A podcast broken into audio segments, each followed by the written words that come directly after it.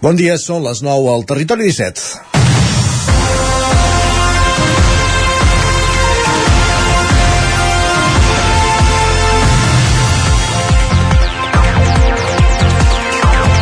La precarietat laboral, l'augment del preu del lloguer, la manca d'habitatge públic o la discriminació per raons d'origen aboca una part important de la població a no tenir un sostre on poder viure en condicions. A Catalunya es calcula que hi ha unes 18.000 persones en aquesta situació. El sense llarisme no respecta ningú. Joves, grans, famílies monoparentals, migrants o autòctons. Per això és més necessari que mai que el Parlament aprovi de forma immediata la proposició no de llei de mesures per fer front i, eh, i erradicar-lo, per fer-hi front i erradicar-lo, que actualment es troba en tràmit. A Osona s'ha fet un estudi elaborat pel Consorci d'Osona de Serveis Socials que és un primer pas per abordar el problema, que és, que és complex i que requereix tractar-lo des de múltiples àmbits.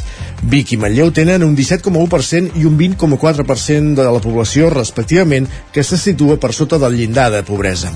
És una xifra elevada perquè la mitjana catalana se situa en el 16,6%.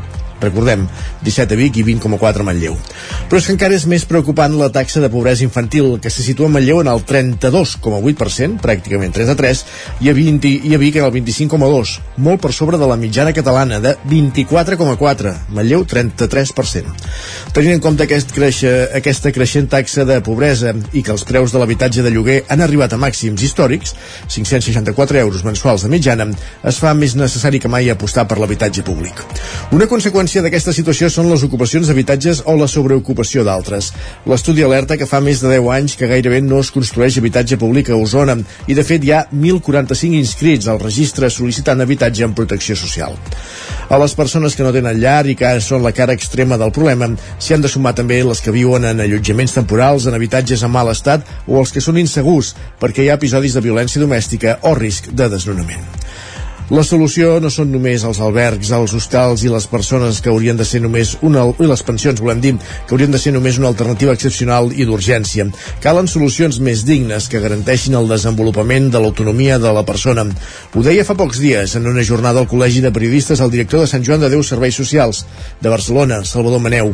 El sensellerisme atenta contra la dignitat de les persones que competeixen i alhora corroeix la dignitat de la societat que ho tolera.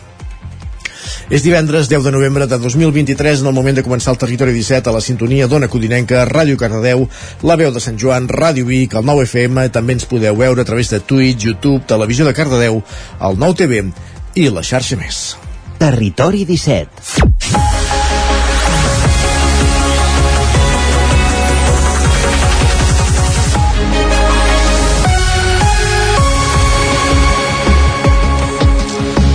Divendres, 10 de novembre de 2023, començant un nou cap de setmana i començant una nova edició del Territori 17, el magazín de les comarques del Vallès Oriental, l'Osona, el Ripollès, el Moianès i el Lluçanès, que us farà companyia durant dues hores, des d'ara fins al punt de les 11. De quina manera, amb quins continguts? Ràpidament repassem el sumari del programa d'avui. En aquesta primera mitja hora ens dedicarem a aprofundir en les notícies més destacades de les nostres comarques, les notícies del Territori 17, en connexió amb les diferents emissores que dia a dia fan possible aquest programa.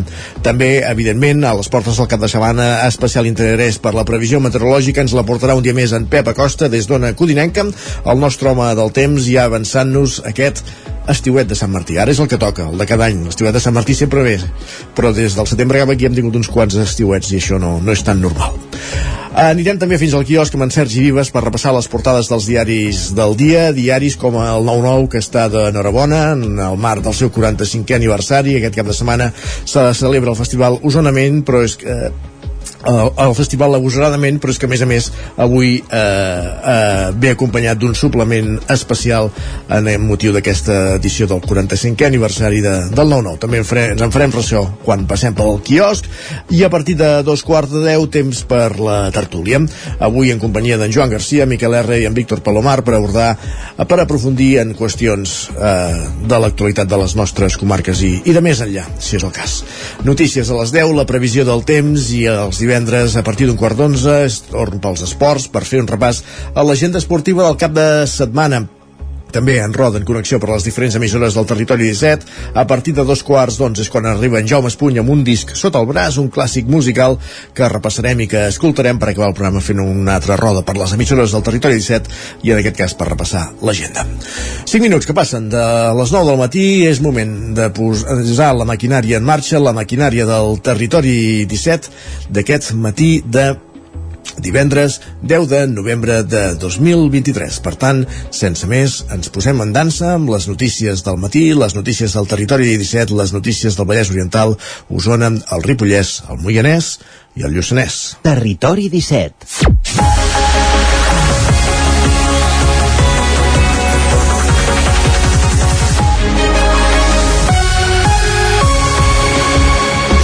7 municipis d'Osona formen part de les poblacions on el govern de la Generalitat vol regular els habitatges d'ús turístic, alguns perquè tenen el mercat d'habitatge tensionat i d'altres perquè tenen més de 5 pisos turístics per cada 100 habitants. El nou FM, Sergi Vives. Són Vic, Manlleu, Torelló, Tona, Calldetenes, Tabertet i Rupit. Alguns d'aquests, els més grans, hi entren perquè tenen demanda d'habitatge acre acreditada i el mercat tensionat. Això ho expliquen la regidora d'Urbanisme de Manlleu, Marta Moreta. Manlleu estem tensionats i ens cal, ens cal això, no? Primer destinar aquest habitatge d'ús residencial habitual i, i si en el futur nosaltres som un municipi que hem de rebre eh, doncs, estudiants de la Universitat de Vic perquè Vic ja està una mica col·lapsat doncs també tenir-ho en compte no? eh, en tot cas primer el que s'ha de regular és que la gent pugui tindre un habitatge com cal, digne i, i que nosaltres els hi puguem donar doncs, alternatives en el, en el municipi. Pel que fa als pobles més petits als quals afecta, Tabertet i Rupit, la situació és diferent a la resta, en ses zones turístiques. El motiu és que hi ha almenys 5 pisos turístics per cada 100 habitants, encara que això no vol dir que no hi hagi problemes d'accés a un habitatge permanent. En el cas de Rupit, per exemple, ja fa dos anys que l'Ajuntament ho està regulant. El poble de 200 habitants ara té una desena. Ho explica l'alcalde Albert Mercè. El nombre de places que tenen els habitatges turístics no poden suposar més d'un 30% del total de la població de Rupit i després també per nombre d'habitatges està en un 5%. Els habitatges turístics no poden suposar més d'un 5% eh, dels habitatges globals a nivell cadastral que tenim a Rupit. I de la veritat és que ens ha funcionat eh, superbé, perquè nosaltres creiem i preservem, diguéssim, tot el tema de l'habitatge en el sentit de que l'habitatge ha de ser per la gent de Rupit, Uh, per la segona residència, que és habitual, que ve cada cap de setmana i que al final forma part d'un col·lectiu més del poble. El decret el va aprovar aquest dimarts al govern i després haurà de fer el seu recorregut en l'àmbit parlamentari. Els ajuntaments hauran de modificar els plans urbanístics per permetre expressament la compatibilitat de l'ús turístic amb el d'habitatge i alhora justificar que tenen prou sol per habitatges destinats a domicilis habituals de la població resident. El nou decret afecta a 262 municipis de tot el territori català.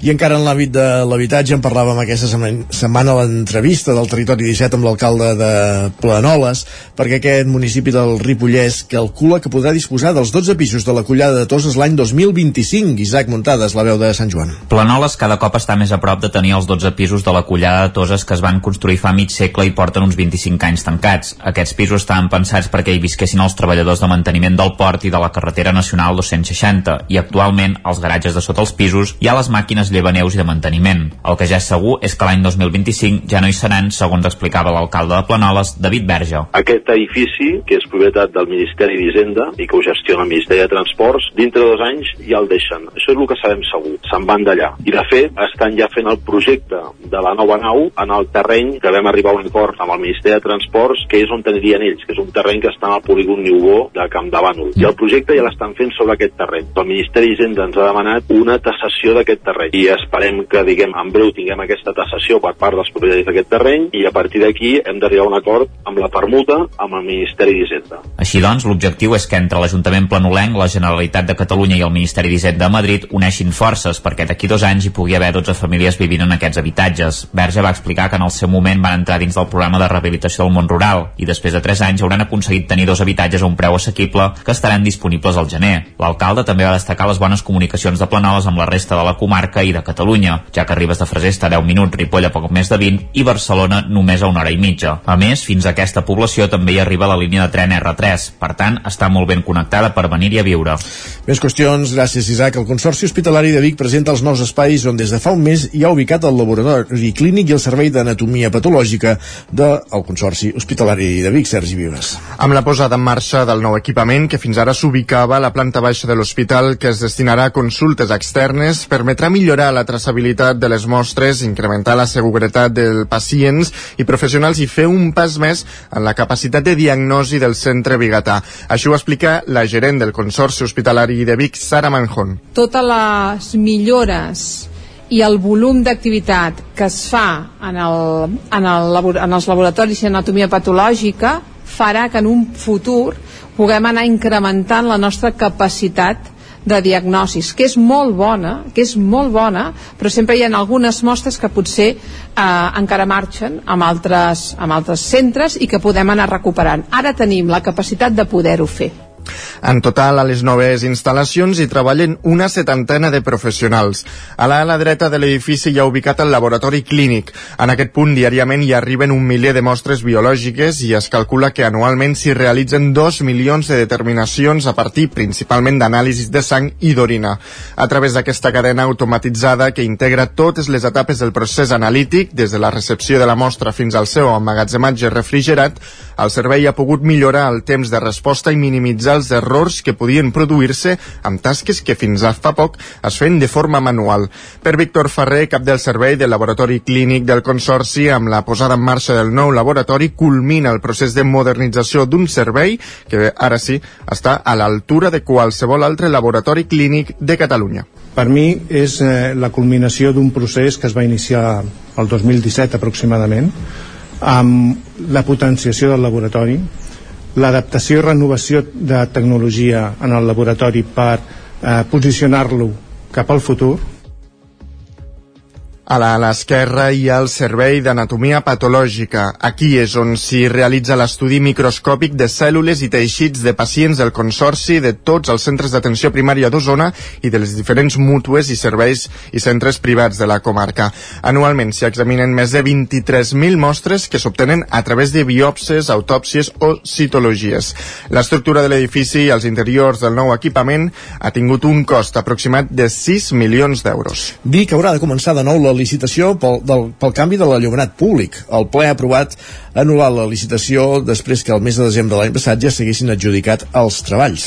La decisió va ser impugnada per empreses que també hi optaven i davant el posicionament del Tribunal de Contractes s'ha optat per tirar-ho enrere. Així ho explicava la regidora d'Urbanisme i Manteniment, Esther Coma. Hi va haver una impugnació per part d'unes de les empreses ofertants i després d'esperar els 6-7 mesos del Tribunal de Contractació doncs finalment no hem tingut una resposta clara i hem de tancar la licitació per tornar-la a obrir a posteriori. De manera que bueno, avui estem tancant aquesta, aquesta licitació oberta per després tornar-la a començar amb uns nous plecs i a començar de nou el projecte aprovat ascendia pràcticament 5 milions d'euros i l'adjudicació es va fer per gairebé 4 milions d'euros, una rebaixa de la que la CUP va alertar, tal com recordava aquest dilluns la regidora de la formació Carla Dinarès al ple d'aquesta setmana. Donat que és un contracte molt gran i, i molt necessari, cap problema, vull dir, així, així ho fèiem, però ara, doncs, donat que el Tribunal de Contractes diu que els plecs són confusos i nosaltres doncs, no ho acabem de veure clar, sabem que ens han explicat són coses molt tècniques,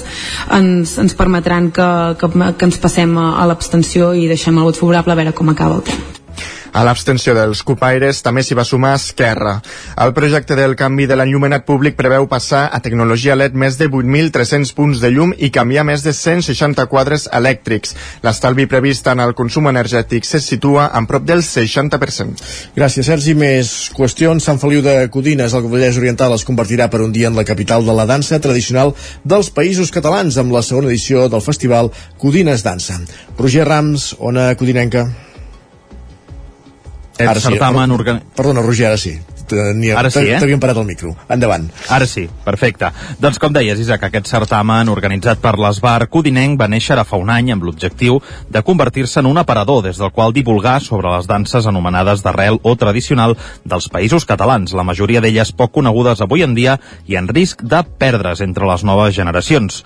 En aquesta segona edició s'hi podran veure danses pròpies de diversos territoris de parla catalana i s'hi ha incorporat un ball de nova creació coreografiat pel director de l'Esbar Codinenc, tal com explica Bàrbara Dorca, secretària d'aquesta entitat. Uh, aquest any uh, portem danses de València, de Mallorca, uh, danses provençals, danses uh, molt tècniques, però també portem, per exemple, el que creiem que serà un dels potser que es podrà disfrutar més, que és una dansa de nova creació, té com a molt, crec que 10 o 12 anys, una dansa coreografiada per al nostre director actual, que és el Raül Rubiales, que és això, una dansa que té 10 anys, té el, la base de, d'esbart, dansa tradicional catalana, però un punt modern que li dona una frescor amb la voluntat precisament de sumar el jovent a la dansa tradicional, enguany, a banda de l'actuació de l'esbar local, s'ha convidat també a l'esbar de Sant Joan de Vilatorrà del Bages, que portarà a l'escenari una proposta dissenyada i ballada exclusivament per joves. La idea és eh, continuar portant la dansa d'arrel aquí a Sant Feliu, convidant a més a més un esbart de fora, aquest any venen l'esbart de Sant Joan de Vilatorrada, que ens portaran també una proposta amb danses diferents de les que fem nosaltres, amb gent de, de 20 anys que fa relativament poc que han començat a ballar, veurem coses diferents. El nostre objectiu és, és acostar aquesta tradició a la gent de Sant Feliu i a tothom que vulgui venir, bueno, per reivindicar que també és una manera de, de viure la llengua i la, i la tradició catalana.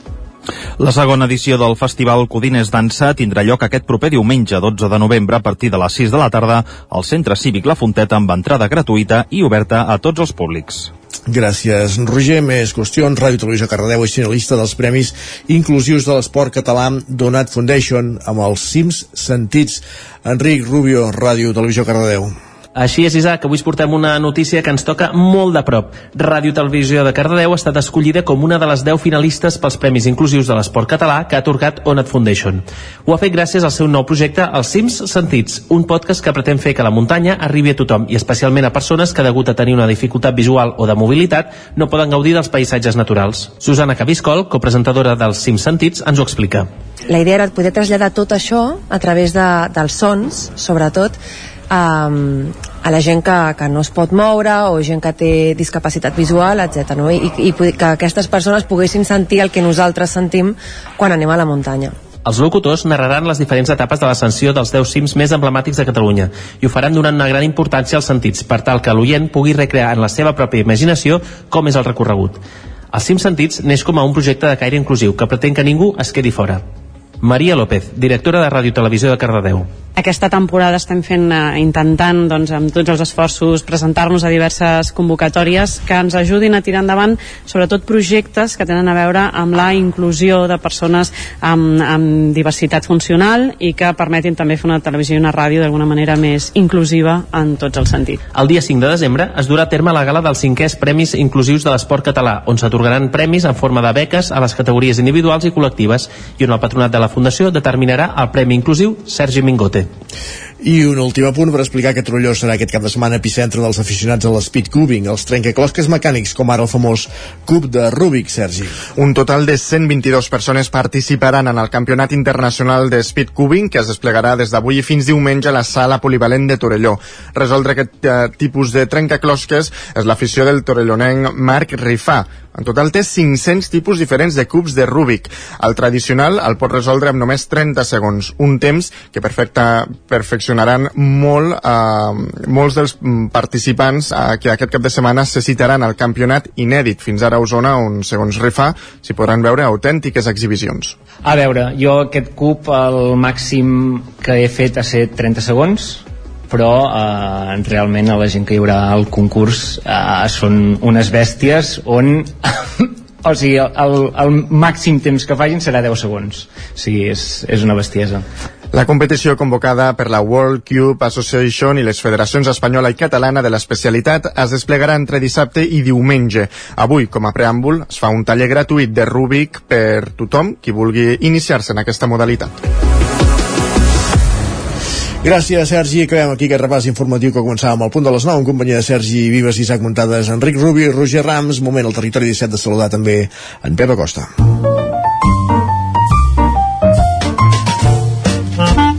Casa Terradellos us ofereix el temps. Perquè és divendres i volem saber quin temps farà el cap de setmana. Pep, benvingut, bon dia.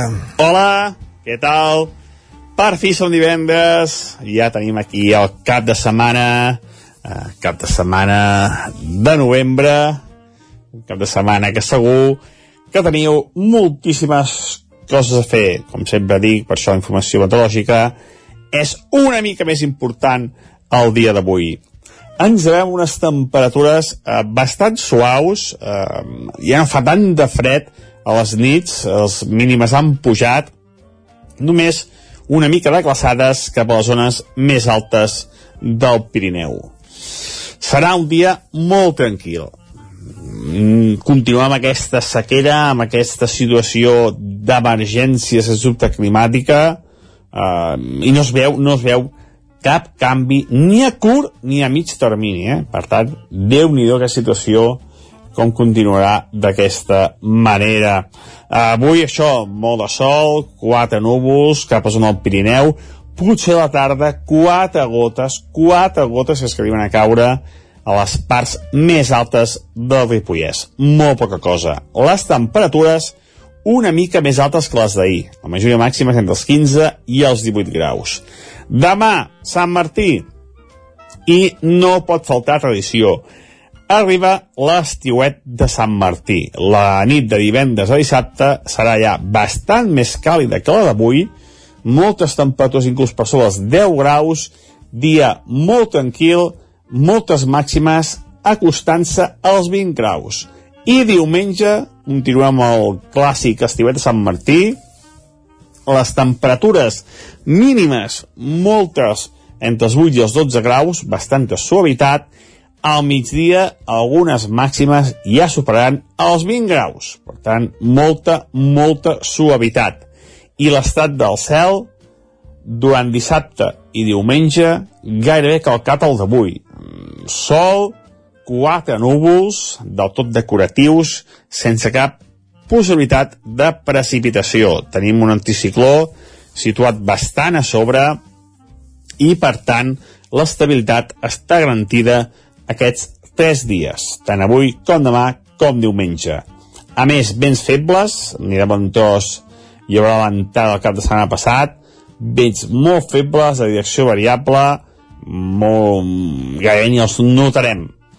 Per tant, ni molt de pressa, tant avui com demà com sobretot diumenge, estiuet a Sant Martí, temperatures eh, més altes, tant les màximes com les mínimes, i només avui una petita precipitació cap a la zona del Pirineu. A partir d'aquesta tarda i demà i diumenge, només sol, cap pluja.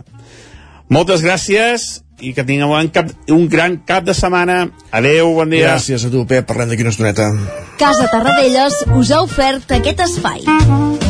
I ara volem cap al quiosc.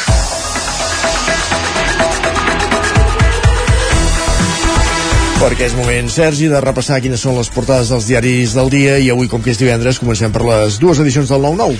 Així és, comencem per la d'Osona, el Ripollès i el Lluçanès, que ens diuen que en un de cada quatre municipis d'Osona hi ha persones sense sostre. Diuen que la precarietat laboral i la falta de lloguers són les principals causes del sensellarisme. Ens en fèiem ressò avui a la portada.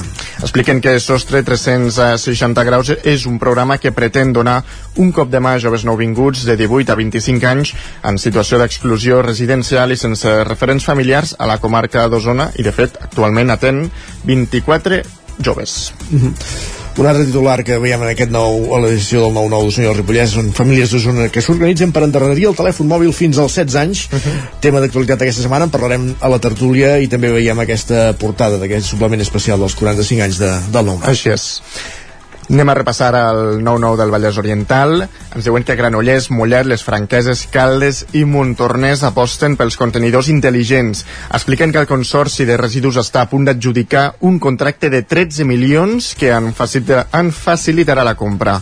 I sota el titular endollats a l'energia de la comunitat expliquen que el Vallès Oriental té 8.087 instal·lacions d'autoconsum, encara que només 68 són compartides. Anem als diaris que dit a Barcelona.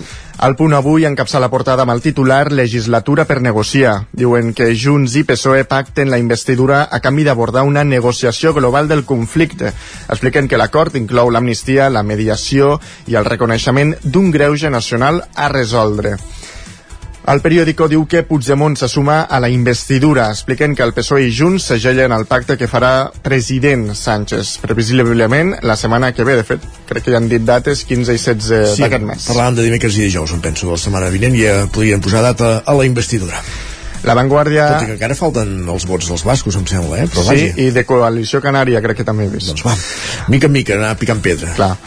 El, la Vanguardia diu que el pacte PSOE i Junts es uh, proposa de, uh, de resoldre el conflicte històric. Expliquen que el document es remunta als orígens de les reivindicacions de Catalunya. Diuen que el text inclou l'amnistia i el compromís de donar suport a la investidura. Però jo crec que el que voleu uh, escoltar són el que diu Madrid de tot això, no? És el? És el que diu Madrid de tot això. Ah, bueno, Hombre. eh, més que escoltar ho hem vist ja, les reaccions al carrer. Bueno, doncs el país diu que... va. Diu que PSOE i Junts pacten la investidura amb una amnistia pel procés. Expliquen que Feijó compara l'aliança amb el 23F, ETA i el desafiament sobiranista català. En fi, L'ABC diu que PSOE humilia l'Estat. Expliquen que Humilia Sánchez... l'Estat, mare sí, sí, així gran, bueno, amb el logo del PSOE... Perquè el- del pacte del Majestic no se'n recorda ningú, eh? Els, acto els actors, ja, bueno, en fi, la, la política catalana evidentment ha evolucionat, però serien comparables, en No, fi, no, és igual. Expliquen que Sánchez i Puigdemont segellen un acord que entrega l'amnistia total i accepta un mediador internacional per negociar un referèndum. Diuen que al Poder Judicial totes les associacions de jutges i fiscals, els inspectors d'Hisenda al carrer, tothom, tothom ho rebutja. Tothom, rebutjat. Sí. El Mundo diu que Sánchez rendeix l'Estat a Puigdemont. Expliquen que... Rendeix l'Estat. Rendeix. Expliquen que sobre la unilateralitat no hi ha renúncia a ella i Puigdemont proclama que l'únic límit és el que digui el Parlament. També diuen que Junts no promet recolzar, recolzar Sánchez i li adverteix que haurà de guanyar-se els seus vots dia a dia. I la Razón diu És que... la política, amigos. Sí. I la Razón diu que Puigdemont imposa l'amnistia i negocia el referèndum. Expliquen que Sánchez assumeix el relat independentista, inclòs l'atac a la independència del poder judicial. Diuen que el fugat expresident adverteix al PSOE que el recolzament a canvi de res ha anat a la paperera de la història. A la paperera de la història. Està, que es facin seus aquests eh, missatges. Gràcies, Sí. Sergi. A tu. Fem una petita pausa tot seguit al Territori 17 i de seguida temps de tertúlia amb Víctor Palomar, Miquel R i Joan Garcia. El nou FM, la ràdio de casa, al 92.8. La qualitat de les teves impressions és important per tu? Estàs cansat que els colors i les imatges no surtin com t'esperes? A Impremta Mater disposem de la tecnologia més avançada i els millors professionals per aconseguir impressions d'alta qualitat. Fem tota classe d'impresos amb acabats professionals. Llibres, catàlegs, revistes, tesis, calendaris, enquadernacions... I, a més, disposem del servei d'impressió digital en gran format, roll-ups, lones, pòsters i molt més. Impremta Mater. Ens trobaràs a la carretera de Sant Hipòlit 23 de Vic o impremtamater.com. Amb Pradell estalvio energia i cuido la meva butxaca i el medi ambient. Posa't en mans a Pradell, són experts en calderes de gas i condensació, estufes de pèl·let, energia solar, terres radiants i geotèrmia. Pradell instal·la calderes de biomassa per a particulars i per a empreses. Si vols estalviar un 50% en consum, contacta amb Pradell i passa't a les energies renovables. Pradell, som a l'Avinguda Països Catalans 27 de Vic. Telèfon 93 885 1197. Pradell.cat. Quan tingui un problema amb la seva caldera, vagi directament a la solució. Truqui sempre al servei tècnic oficial de Saunier Duval i despreocupis, perquè som fabricants i coneixem les nostres calderes peça a peça. I ara aconseguiu fins a 300 euros en canviar la caldera. Informeu-vos al 910 77 10 50 o a saunierduval.es. Ser a prop vol dir veure les coses més bé. Apropa't al que t'interessa amb la xarxa Més. La teva plataforma audiovisual de qualitat, proximitat i gratuïta. Gaudeix dels continguts de més de 30 televisions locals i podcast quan, com i on tu vulguis. Entra a la xarxa més.cat i descarrega't l'app. Territori 17. El nou FM, Sergi. Som l'espai comunicatiu format per les comarques d'Osona, el Lluçanès, el Moianès, el Ripollès i el Vallès Oriental. Enric Rubio, Ràdio Televisió, Cardedeu. Bon dia al grup. Cada matí, de 9 a 11, al 9 Roger FM. Rams, zona Codinenca. Defensa de la sanitat pública. L'actualitat de les nostres comarques i tot el que has de saber abans de sortir de casa. Isaac Muntades, la veu de Sant Joan. De setmana, Sant Joan. Cada matí, Territori del temps. 17. Avui contents. Cocodril Club. Si t'agrada la bona música dels anys 60, 70 i 80, escolta el 9 FM als matins de dissabtes i diumenges d'11 a 1. És el temps del Cocodril Club, tot un clàssic de la ràdio, amb les bases del pop-rock, les llegendes, les cançons que s'han convertit en autèntics himnes. Recorda, dissabtes i diumenges al matí, d'11 a 1, al 9 FM 92.8. Cocodril Club, el programa revival de l'Albert Malla. Hasta luego, cocodrilo.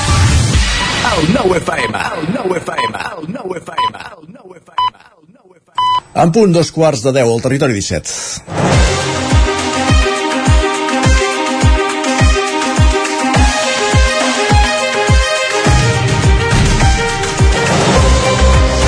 I els divendres a dos quarts de deu en aquesta segona mitjora del programa és temps de tertúlia. Avui en companyia de Víctor Palomar i de Miquel R, tots dos els estudis del 9 FM i també des de la veu de Sant Joan ens acompanya en Joan Garcia. Benvinguts tots tres. Hola, molt bon dia.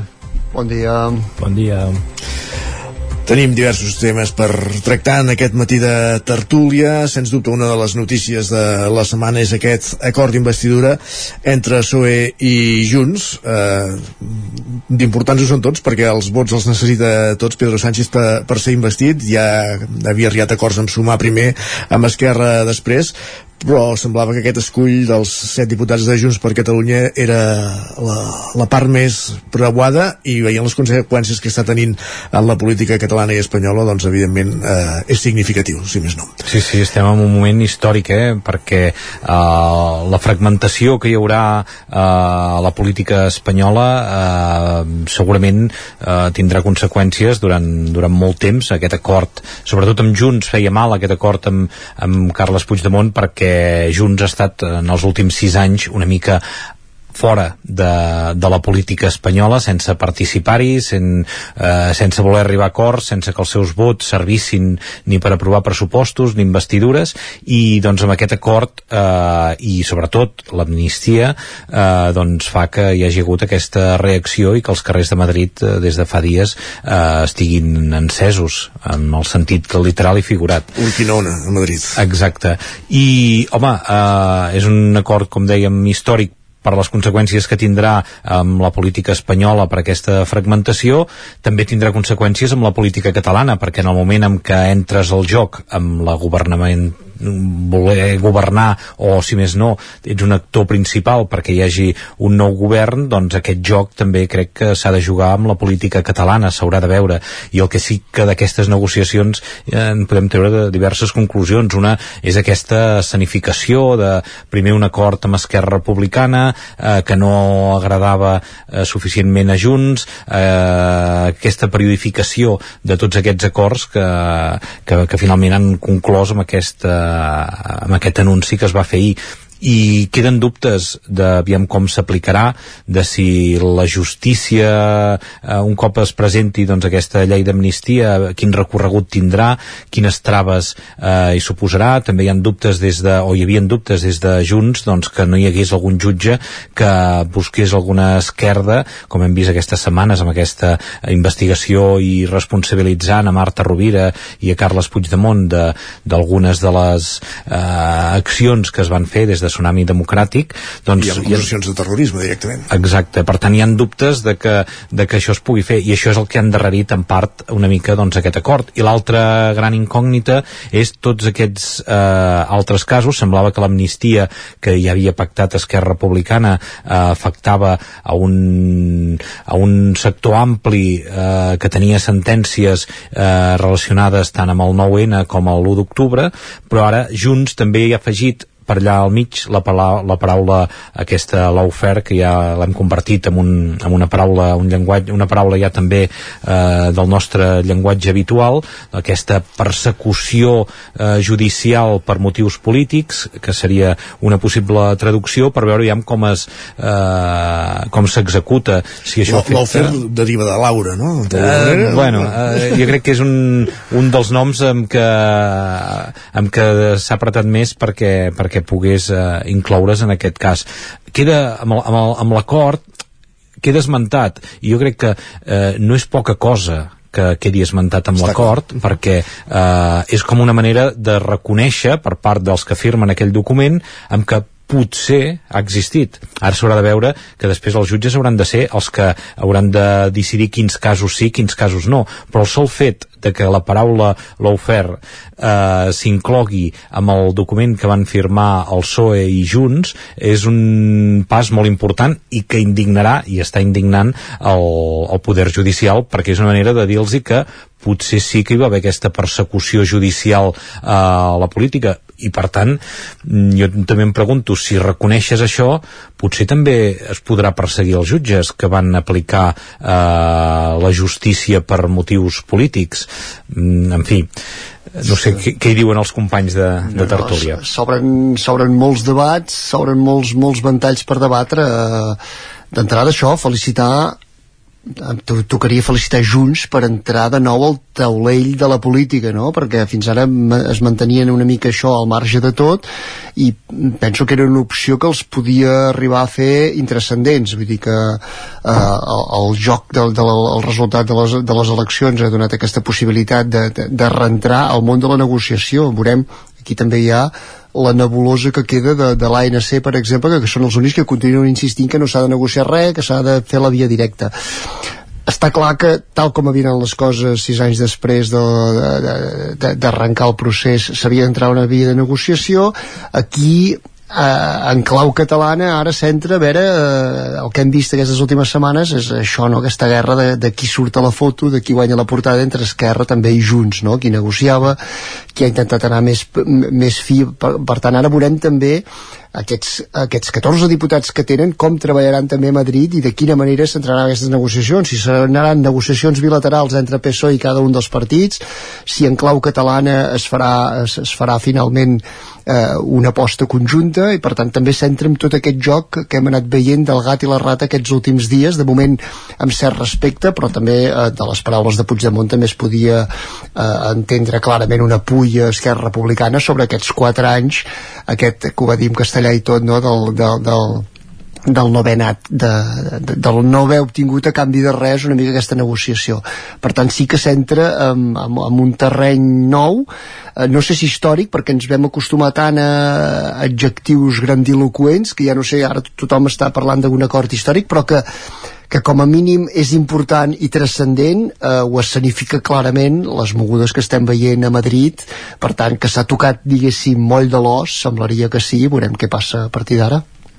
Penso que és interessant això que comentes de les dinàmiques catalanes, de, de què passarà eh, a Catalunya a partir d'ara amb els partits polítics i, i, i comentaves això, que l'ANC era l'única que encara doncs, seguia amb, amb, amb l'objectiu de la independència per damunt de tot, tot i que els altres partits també ho diran, però sí que són els que apreten més i no són els, no són els únics, vull dir, hi ha l'extrema dreta catalana que jo penso que, que ara veurà la seva oportunitat per, per criticar doncs, aquest, aquest, uh, aquests pactes com, com un retorn a l'autonomia i, i situar-se ells com els, com els garants no, d'aquest camí cap a la independència més ràpid i més directe i, i a mi també em sembla interessant perquè aquests dies amb les manifestacions de Madrid no sé si us passa perquè tot i que tinguis una, una opinió ben clara i formada eh, quan ho veus doncs fa com, fa com por, fa pensar en les conseqüències o en si ho faran trontollar o si és una cosa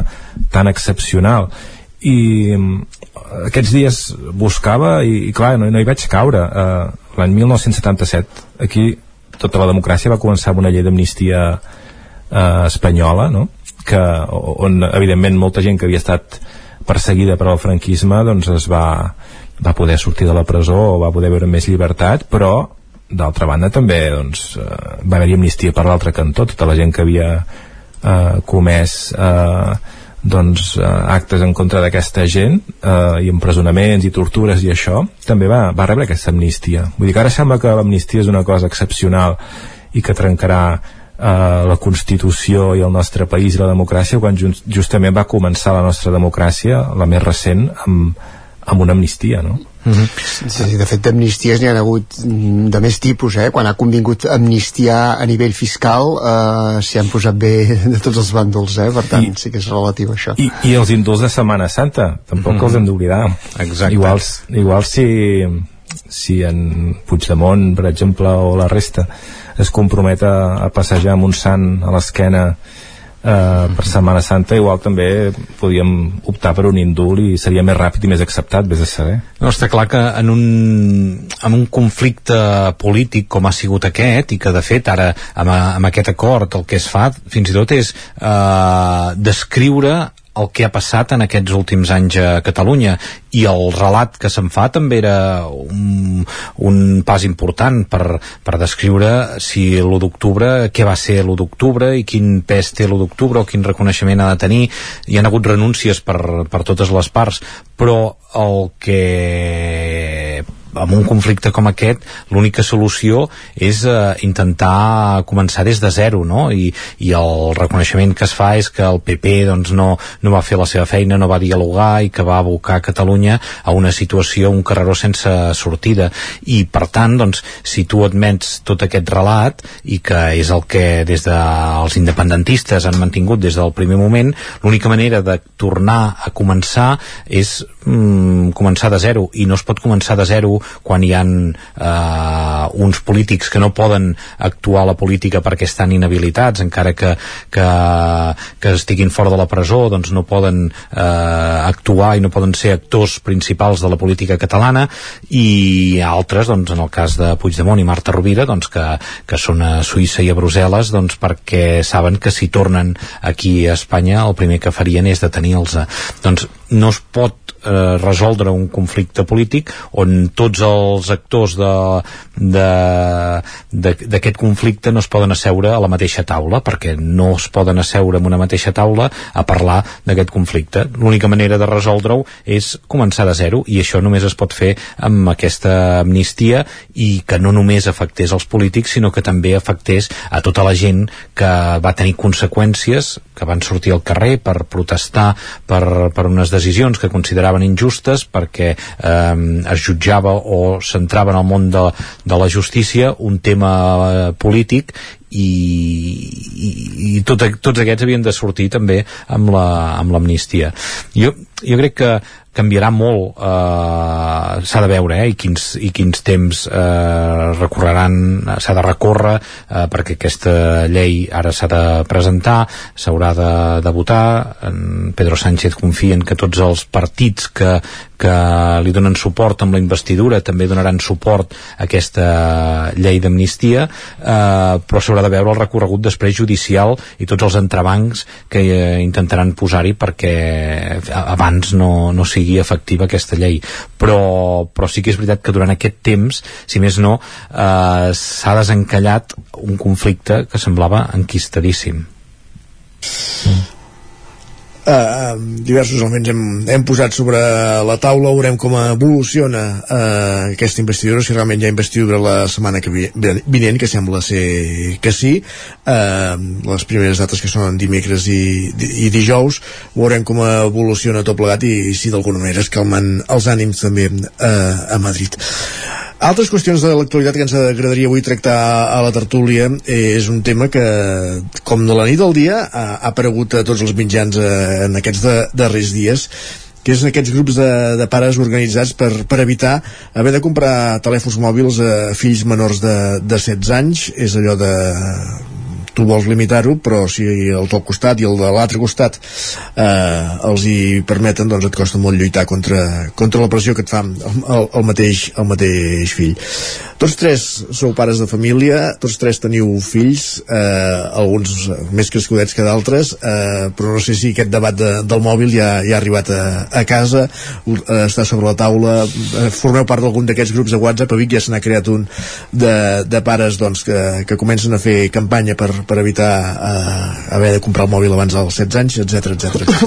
Miquel potser és el que pot parlar amb més coneixement de causa. Eh? Més, més que més coneixement, poder és el que vaig més avançat perquè sóc el més gran de tots tres i per tant el que he passat poder abans per aquest procés. És un debat que, que hi és des de, des de fa temps des de fa temps i jo penso que és un debat que a vegades està bé, que ja no, no sé si ha set, ja dic, la, la, la projecció del Generació Porno de TV3, que va desencadenar-ho, eh, ara són els pares els que, els mateixos pares on s'està removent eh, tot això, però possiblement perquè també n'hem set corresponsables els pares, no? Eh, vull dir que no sé si l'onada ens ha passat per sobre, però que, que, el debat l'hem tingut eh, l'hem tingut des de fa temps, en el moment que arriben això, a l'adolescència els nostres fills, eh, que en general hem set tous perquè ens és molt més fàcil cedir, ens és molt més fàcil eh, deixar-te portar, diguéssim, pel que es porta, perquè els companys...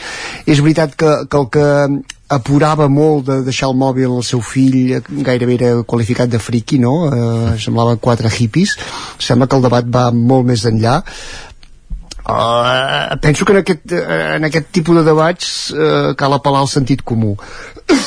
El que no podem, que a vegades hem fet sempre és reduir-ho a un debat exclusivament escolar. Això, el, el problema el tenim a casa, el tenim a les famílies eh, el problema poder el tenim els mateixos adults amb l'exemple que estem donant ens fem trampes eh, al solitari perquè a vegades donem el mòbil més aviat del compte per tenir localitzats els fills quan tota la vida nosaltres hem anat a escola i no, no havíem necessitat que ens controlessin eh, tant a, a nosaltres Uh, el que és difícil amb aquests debats és entrar en conceptes de prohibició.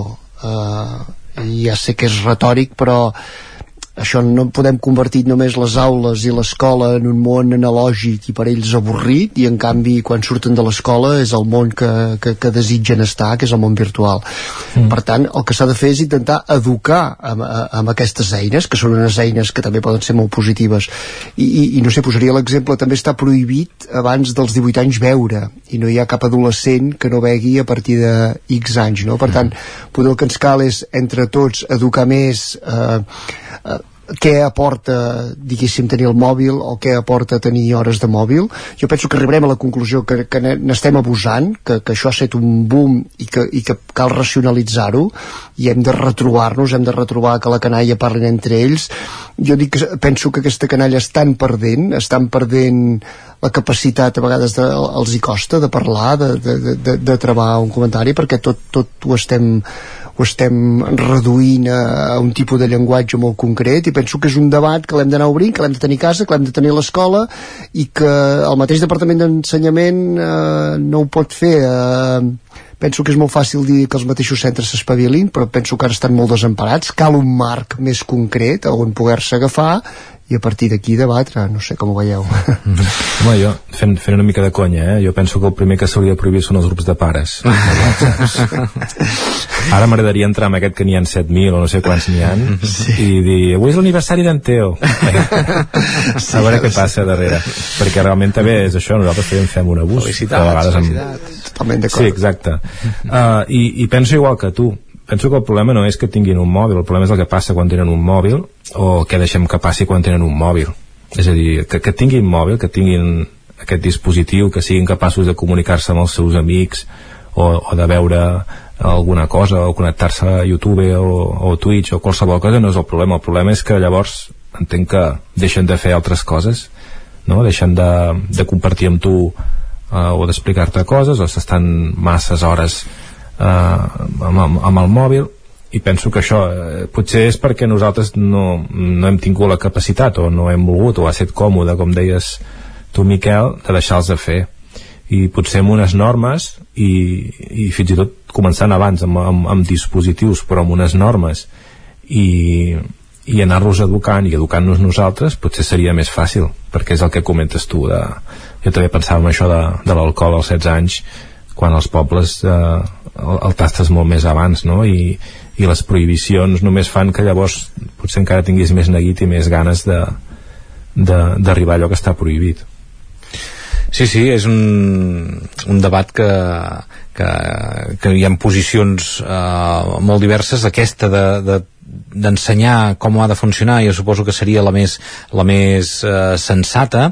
L'únic que, és, que és això els, entre els 12 i els 16 no sé si eh, uh, són prou madurs els, els nens i nenes com perquè obrim tot aquest ventall de possibilitats que té un telèfon mòbil, ja no només uh, l'accés a pornografia que mm, bueno, mm, el programa que citaves tu, tu Miquel ha alarmat a molta gent però també hi ha molts altres factors l'accés aquest a les xarxes socials en el cas de, de afecta sobretot a les noies de, de buscar alguns estereotips alguns models, una pressió estètica tot això abans no arribava i ara a través del mòbil arriba molt abans.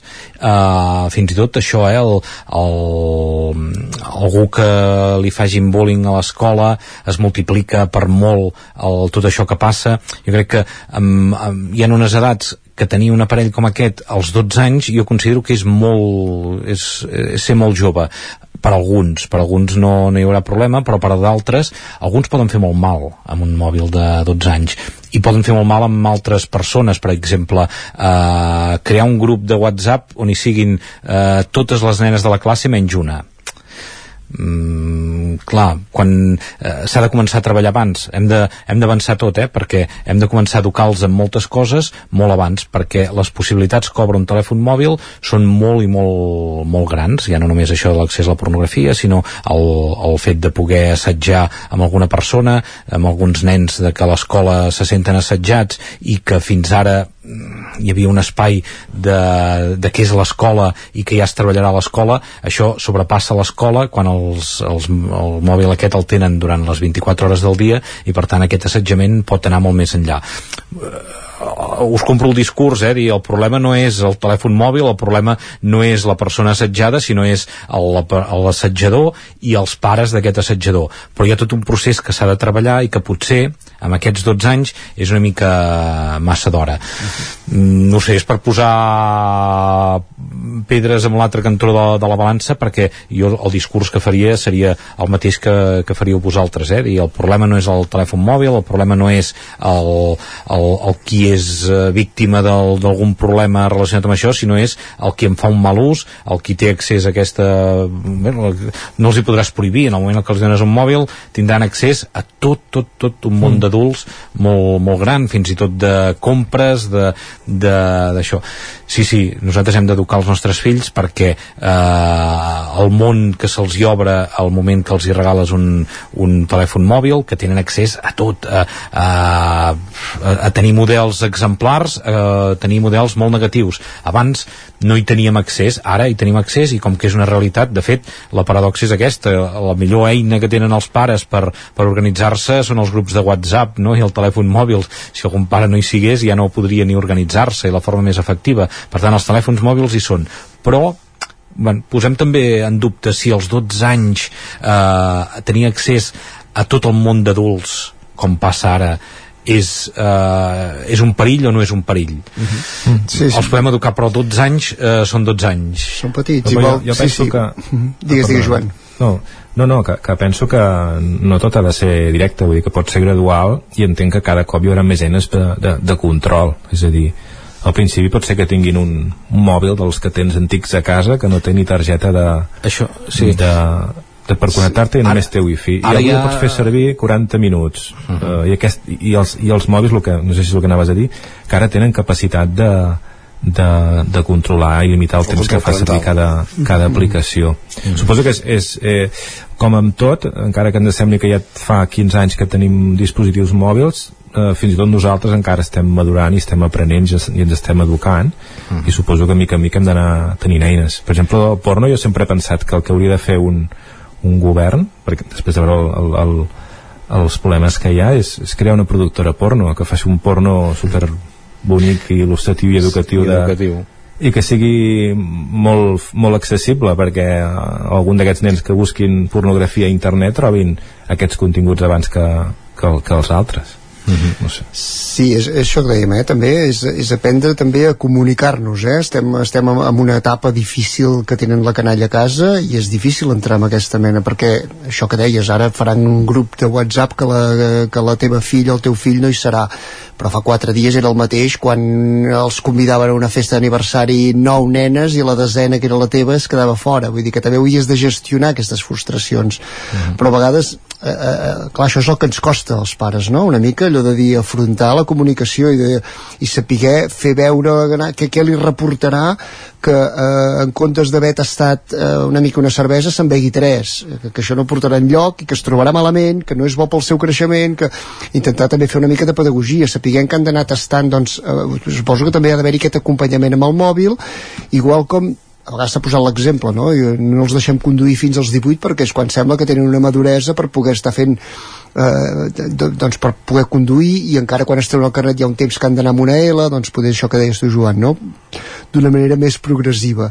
I amb això al, al, moment que, que, que estan a l'escola, que també és el moment que es reuneix la tribu, poder aprofitar-ho, no, aquest moment, per dir com podem estar en moments, com podem retrobar-nos moments físicament, parlant, i, i fer-ho d'una manera atractiva, que no depenguem només del mòbil, sense necessitat d'abolir-lo completament, però debatre quin, alguns patis si podem, no sé, eh, jo recordo, me'n vaig una mica, eh, però que també hi havia unes èpoques que quan jo jugava hi havia alguns dies que no es podia jugar a futbol, perquè a vegades el futbol aclaparava tant l'hora del pati, eh, petites prohibicions, per, i, i mira, llavors retrobaves amics que podies jugar a bales i descobries una altra, una altra mena de jocs gràcies a petites prohibicions. A vegades no ens ha de fer por tampoc eh, posar normes. certes normes i posar normes, no? Perquè a vegades eh, la, hem confós la modernitat amb, amb, amb, amb allò amb llibertat absoluta i llavors eh, és això, hi ha moments que necessiten un acompanyament, no estan preparats als 12 anys per rebre determinada informació, penso, hi ha d'haver-hi aquest acompanyament.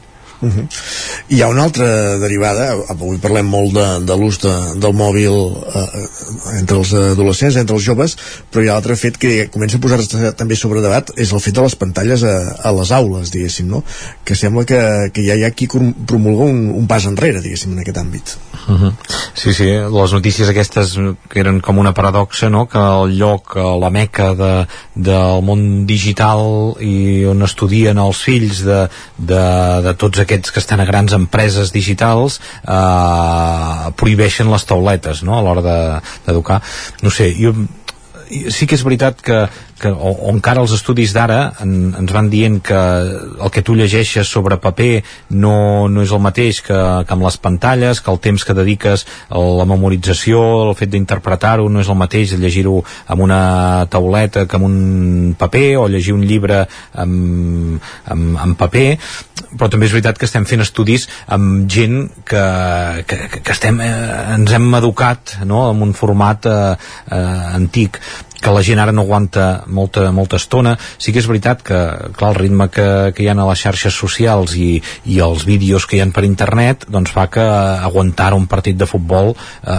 se'ls hi fa etern. Eh, aguantar una pel·lícula se'ls hi fa etern. Per això, en canvi, miren sèries que duren 17 eh, minuts i se'n poden passar 10 de seguides. Però és ja trencar el ritme, que no, no és una història llarga en què tu puguis eh, entrar en profunditat. Tot, tot ha de ser molt més reduït. Per tant, tot això ens va canviant la nostra ment. Mm, jo, jo amb, el, amb, les eines que, que es puguin incorporar, com que seran les eines que utilitzaran a fora, utilitzar-les potser que no sigui el, el canal únic però que, que introduir-les a l'aula jo, jo ho veig imprescindible perquè és veritat, amb 8-9 anys et dominen el Canva, et dominen el correu electrònic, et dominen totes les eines de Google i penso que està bé perquè, perquè les utilitzaran a, en el seu dia a dia. Ara, també hi ha d'haver un temps per agafar un llibre que cadascú s'assegui tranquil·lament i durant una estona llarga eh, no et pots aixecar i t'has de ficar-te dins un llibre i aguantar aquesta lectura llarga fins quan t'enganxi. El problema és la tecnologia perquè sí. És a dir, al final cada professor hauria de dir jo he d'explicar això, quina és la millor manera és, serà millor amb una pantalla i un ordinador o hi haurà una altra manera millor vull dir, i evitar d'utilitzar la tecnologia perquè sí, perquè atrau directament uh -huh. Miquel? Sí, bueno, estaríem una mica d'acord, eh? jo penso que sí, és, és, tornem a allò del sentit comú, és veritat, no, no podem evitar unes eines que són les que es trobaran en el dia a dia. També és veritat que quan arriben a l'aula, ells ja, moltes d'aquestes eines ja les dominen molt més que, que poder el mateix professor. Eh, però, però per tant, saber jugar amb això i, i amb l'equilibri de les noves tecnologies però allò que s'ha dit sempre que el llegir no et faci perdre l'escriure perquè llavors els hi costa, vull dir que poder no hauran d'utilitzar mai més, però també està bé que un dia es posin a escriure a mà una redacció, no, no ens ha d'escandalitzar que un dia no puguem, perquè llavors també s'han oblidat d'agafar un bolígraf, no passa res per escriure, perquè un dia hauran de fer una nota eh, manual. Per tant, eh, trobar aquest equilibri eh, jo penso que és fonamental, vull dir, ni tot el que dèiem allà ara ens hem de llançar a les noves tecnologies, ni renunciar també a, a alguns inputs que ara sembla allò, tot, tot, tot, tot el que és analògic a vegades sembla passat i sembla que caducat i penso que també hi ha elements que, que això, que, que es poden aprofitar pel seu aprenentatge. Víctor Palomar, Joan Garcia, Miquel R, moltíssimes gràcies a tots tres una setmana més. Gràcies a vosaltres. Gràcies a vosaltres. No, acabem aquí la tertúlia i arribem al punt de les 10 amb música amb aquesta nova versió que han fet els Catarres i Lluís Llach d'un sostre fet d'estrelles. Fins a les 10 al territori 17.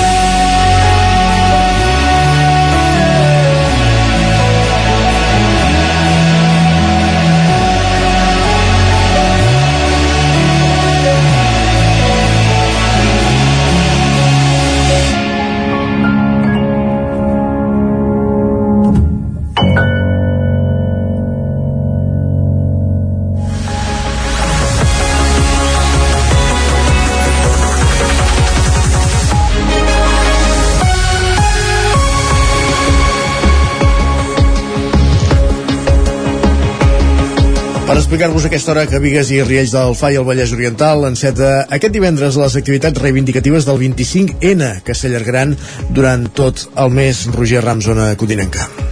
Exacte, com cada any, el proper 25 de novembre es commemora el Dia Mundial contra les Violències Masclistes i la majoria de municipis catalans han organitzat activitats per tal de reivindicar aquesta jornada. A Vigues i Riells del FAI s'ha apostat per dedicar tot el mes de novembre a la visibilització de les violències masclistes en el marc d'aquest 25N.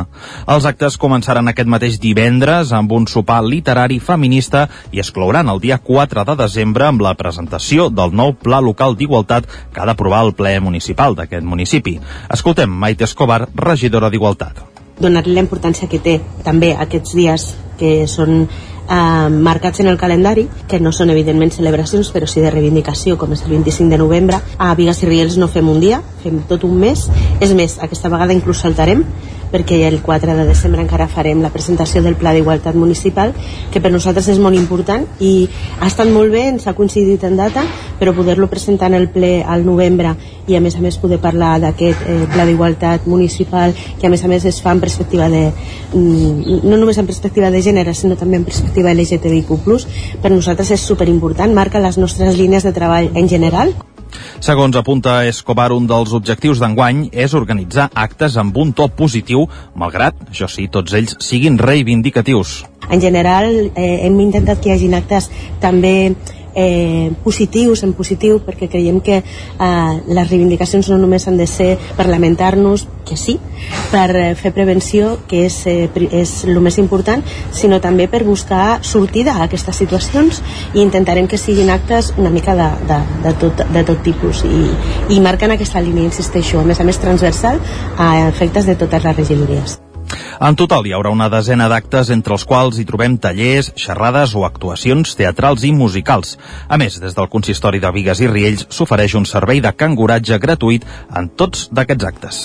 Gràcies, Roger. Més qüestions anem cap al Ripollès perquè denuncien penalment el conductor d'un autobús que anava begut i va provocar un accident a Camprodon. Isaac Muntades, la veu de Sant Joan. Dilluns passat, els Mossos d'Esquadra van denunciar penalment el conductor d'un autobús implicat en un accident de trànsit a Camprodon. L'home va xocar contra un ciclisme a la C38, al punt quilomètric 8 i mig, just a la colònia Estabanell. Una patrulla d'agents de trànsit es va desplaçar fins al lloc dels fets i va comprovar que el conductor del bus anava begut, ja que en la prova d'alcoholèmia va donar un resultat de 0,69 mil·lígrams per litre d'aire expirat, quadriplicant la taxa permesa, ja que la mínima en el cas dels conductors d'autobús i camioners se situa als 0,15 mil·lígrams per litre d'aire expirat. L'autobús duia quatre passatgers que van haver de marxar a peu. Tots els implicats van resultar il·lesos. No va ser l'únic accident d'aquesta setmana al Ripollès, ja que dimecres, cap a dos quarts de sis de la tarda, se'n va produir un altre a la rotonda de la C26 de Ripoll anant cap a Sant Joan de les Abadeses, on van anar-hi la policia local, els bombers, els Mossos, el Servei d'Emergències Mèdiques i Protecció Civil de Ripoll. Va haver una col·lisió entre un cotxe i una moto, resultant ferit l'ocupant d'aquest segon vehicle. I Osona Vic acull una matinal de reempresa. Aquest programa, en marxa des de l'any 2011 i que Osona té punts a Vic, Manlleu i Centelles, fomenta la compravenda de petites i mitjanes empreses que es volen traspassar perquè se les quedin nous emprenedors. Sergi Vives, al 9FM. A la trobada hi van participar una vintena d'empreses i gairebé 50 reemprenedors que tenien l'oportunitat de parlar cara a cara després de les xerrades sobre el programa i de les presentacions de les empreses que s'havien fet prèviament. Els negocis participants s'havien seleccionat d'entre els que Reempresa té en cartera als punts de Vic, Manlleu i Centelles. Sentim a la coordinadora del Centre de Reempresa de Catalunya, Carla Jambrina. Convidem a una sèrie d'empreses de, que estan a la venda que tenim doncs, a, a la nostra base de dades. Habitualment intentem doncs, que siguin empreses amb perfils doncs, que, que tinguin un, un potencial i que siguin atractives de cara a un públic emprenedor. A reemprenedor els anomenem nosaltres. Llavors intentem portar una mica d'empreses de, dels diferents sectors. Doncs, el sector comerç, sector serveis, alguna també empresa industrial, sector hostaleria. Uh, al final doncs, perquè hi hagi una miqueta de, de tot enfocat també una mica al diferent públic emprenedor que, que ve avui. La majoria de negocis que acudeixen a reempresa amb l'objectiu de trobar un reemprenedor que els doni continuïtat els porten persones que es jubilen i que no troben relleu en el seu entorn. El programa Reempresa, impulsat per la patronat eh, Secot amb el suport de la Diputació de Barcelona, va néixer l'any 2011. Des de llavors ha contribuït a vendre més de 4.200 empreses. A Osona han intervingut en la sessió de 150 negocis, cosa que es tradueix també en mig miler de llocs de treball que s'han mantingut. Gràcies, Sergi. Tornem cap al Vallès Oriental perquè arriba el son al Festival de Música Clàssica de Tardor de Cardedeu, en un plana cultural. Enric Rubio, Ràdio Televisió Cardedeu. Així és, Isaac. Els propers 18 i 19 de novembre tindrà lloc a Cardedeu el cicle Sona, el Ressona de Tardor, un nou cap de setmana de música clàssica i d'arrel que organitza l'agrupació coral cardedeuenca, amb el suport de l'Ajuntament de Cardedeu. Una conferència audició de flauta dolça i un concert de música de plectre configuren la programació que organitza l'Associació Coral Cardedeuenca. Dissabte serà el torn de l'audició de la flauta dolça, amb un petit concert a l'Espai de les Arts i les Lletres, l'estació és allà. Mentre que diumenge, al Teatre Auditori de Cardedeu, hi haurà el concert de música de plectre. Un cicle amb un repertori molt especialitzat i concret, però que està ja a punt d'esgotar entrades, que en els dos casos són gratuïtes, però en reserva prèvia. Gràcies, Enric. Més qüestions a Osona. Us expliquem que l'AC Vic acull des d'aquest dissabte dues noves exposicions. La primera busca reflexionar sobre tot allò que té a veure amb la mort i la segona sobre les escletxes de l'art digital. La bellesa, el record i la pèrdua són els temes que aborda l'exposició Mortals Preludi, un projecte artístic i de recerca sobre la mort i la vida que busca crear espais per reflexionar sobre l'envelliment, el procés de final de vida, les cures paliatives, l'acompanyament, la mort i el dol. El seu comissari Albert Portony, explica en què consisteix. Incorporar la mort com una experiència vital, en el sentit eh, vital eh, conscientment eh, dit, no? Que si absorbim la finitud és com que fem, prenem decisions molt més, eh, molt més importants al llarg de la nostra vida, no? L'exposició és comissariada, com dèiem, per Albert Portón, juntament amb la gerent de l'ACVIC Maite Palomo i la gestora cultural Rosé San Juan. A banda de les obres de Portony, que és l'artista principal, participen en la mostra set artistes més. Tot plegat s'estructura en tres eixos temàtics. Una és sobre, sobre les cures, uh, i el moment aquest en què de depend, comences a dependre d'alguna persona, altra persona o uh, d'una residència de les cures i després està la, una secció que parla sobre el record i la memòria a través dels objectes com a, com a vehicles per recordar o per reconstruir una vida. I després hi ha una secció molt més gran en la que hi ha una exploració del cementiri com a espai per la com a espai per a la vida A banda de Mortals Preludi, a l'ACVIC també s'hi pot veure l'exposició Art Digital Transitant les Escletxes, que s'emmarca dins del primer cicle d'arts digitals de Vic. Aquesta mostra presenta quatre mirades ben diferents dels artistes digitals més importants del país, tots ells amb una important projecció internacional. Són Roc Parés, Mònica Riquic, Alba García Corral o Joana Moll. Aquesta exposició es podrà veure fins al 13 de gener del 2024 i Mortals fins al 24 del mateix mes. I a la plana esportiva, la biguetana Alba Riera, de només 15 anys, ja ha completat la seva primera temporada en categoria absoluta de trial en bicicleta, lluitant per les primeres posicions a escala mundial, Sergi. El trial en bicicleta ha estat dominat en els últims anys principalment per dos noms, l'alemanya Nina Reichenbach, de 24 anys, i la madrilenya de 19 anys, Vera Barón. En aquesta temporada, que ara s'acaba, se'ls hi ha colat una competidora de només 15 anys. Es tracta de la bigatana Alba Riera, que en la seva primera campanya en categoria absoluta a escala internacional ha obtingut uns resultats espectaculars, quedant segona al Campionat d'Europa i la Copa del Món i tercera al Campionat del Món. Uns resultats amb els que no es conforma i vol millorar. Bueno, sabíem que hi havia la possibilitat de lluitar amb, per les primeres posicions amb la Nina i la Vera i la veritat és que ho he aconseguit he intentat, n'he guanyat alguna i he intentat sempre podi i molt bé, molt contenta Riera mostra una gran autoexigència, tot reconeixent eh, que petites lesions potser no li han permès demostrar el màxim nivell. Aquest és el cas del Campionat del Món disputat a Glasgow a l'agost, on va anar amb molèsties al braç. La feina amb els fisioterapeutes va donar resultats i es va poder classificar per a la final on va quedar tercera. Sense saber quines competicions haurà d'afrontar la pròxima temporada, Riera es marca l'objectiu de millorar els resultats. Bé, de moment encara no sé on competiré, però segurament serà com aquest any. Si hi ha més proves, anar més, per sumar més punts i això. Sobretot passar-m'ho bé i després ja veurem com va tot.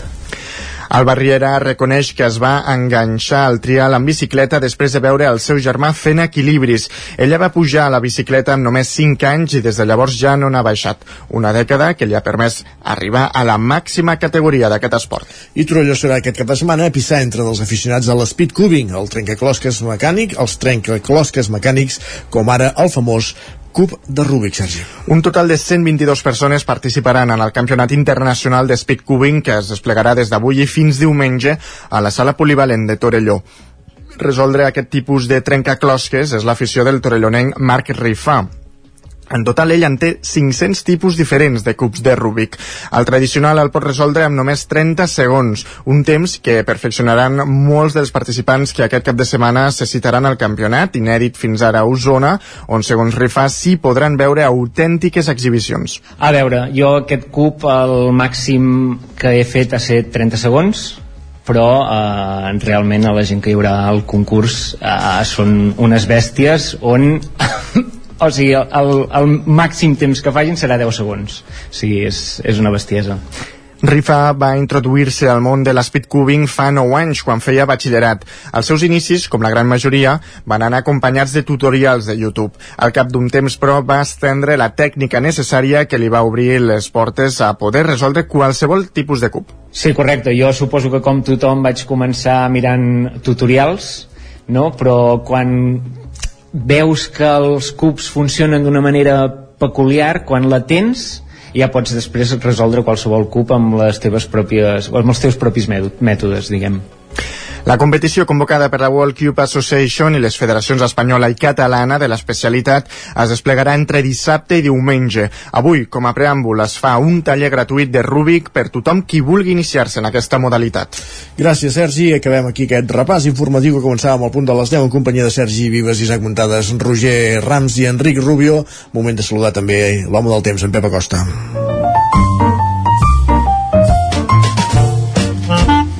Casa Terradellos us ofereix el temps. Tornem a una codinenca, Pep Acosta. Quin temps farà el cap de setmana? Això és el que ens interessa saber ara mateix. Bon dia. Hola, De nou. què tal? Uh, avui això, molt de sol, quatre núvols, cap a zona del Pirineu, potser a la tarda, quatre gotes, quatre gotes que es que arriben a caure a les parts més altes del Ripollès. Molt poca cosa. Les temperatures una mica més altes que les d'ahir. La majoria màxima és entre els 15 i els 18 graus. Demà, Sant Martí, i no pot faltar tradició.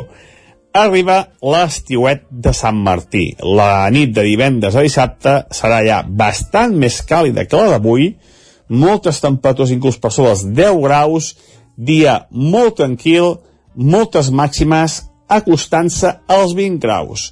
I diumenge continuem el clàssic estivet de Sant Martí, les temperatures mínimes, moltes, entre els 8 i els 12 graus, bastanta suavitat, al migdia algunes màximes ja superaran els 20 graus. Per tant, molta, molta suavitat. I l'estat del cel, durant dissabte i diumenge, gairebé calcat el d'avui. Sol, quatre núvols, del tot decoratius, sense cap possibilitat de precipitació. Tenim un anticicló situat bastant a sobre i, per tant, l'estabilitat està garantida aquests tres dies, tant avui com demà com diumenge. A més, vents febles, ni bon tros hi haurà l'entrada del cap de setmana passat, vents molt febles, de direcció variable, molt... gairebé ni els notarem. Moltes gràcies i que tingueu un, cap, un gran cap de setmana. Adeu, bon dia. Gràcies igualment per tu també, bon cap de setmana, Pep. Parlem dilluns. Casa Tarradellas us ha ofert aquest espai. Un minut i serà un quart d'onze del matí, temps pels esports al territori 17.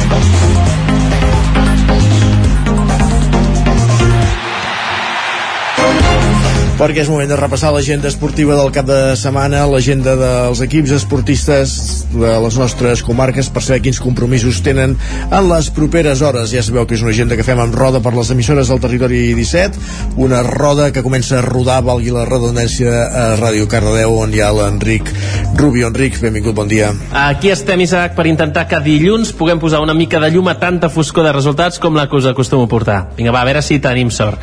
Comencem amb el futbol de Cardedeu, on el primer equip rebrà la visita diumenge a dos quarts d'una de l'Escola Futbol Bosch de Tosca, mentre que el filial jugarà fora de casa i anirà al camp del Vilanova del Vallès dissabte a dos quarts de set del vespre. Mentrestant, el Granollers se n'anirà fins a Osona per jugar dissabte a les 4 de la tarda contra el Vic Unió Esportiva Club A. A veure com queda la cosa, Isaac.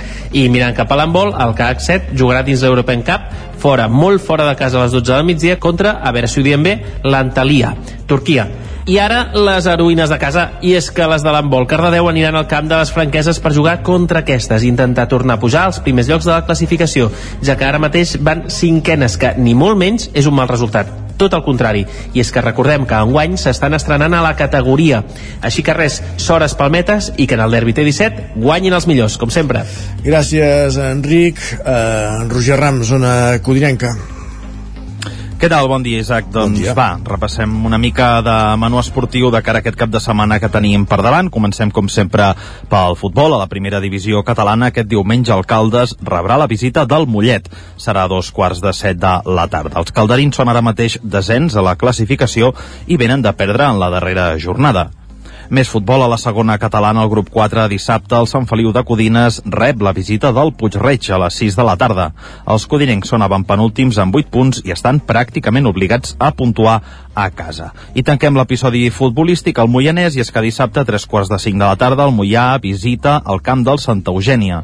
Els moianesos venen ara de guanyar i són dotzens del grup 4 d'aquesta tercera catalana amb 8 punts. Passem ara a l'hoquei patins, a l'hoquei lliga masculina, arriba la setena jornada de competició i en aquesta ocasió el rec amb les arcaldes es desplaça a la pista del Cué. El Mataró serà demà dissabte a dos quarts de nou del vespre. Els calderins són a priori els favorits, ja que són novens amb 7 punts a l'Hockey Lliga i, com dèiem, el Mataró, que és Cué.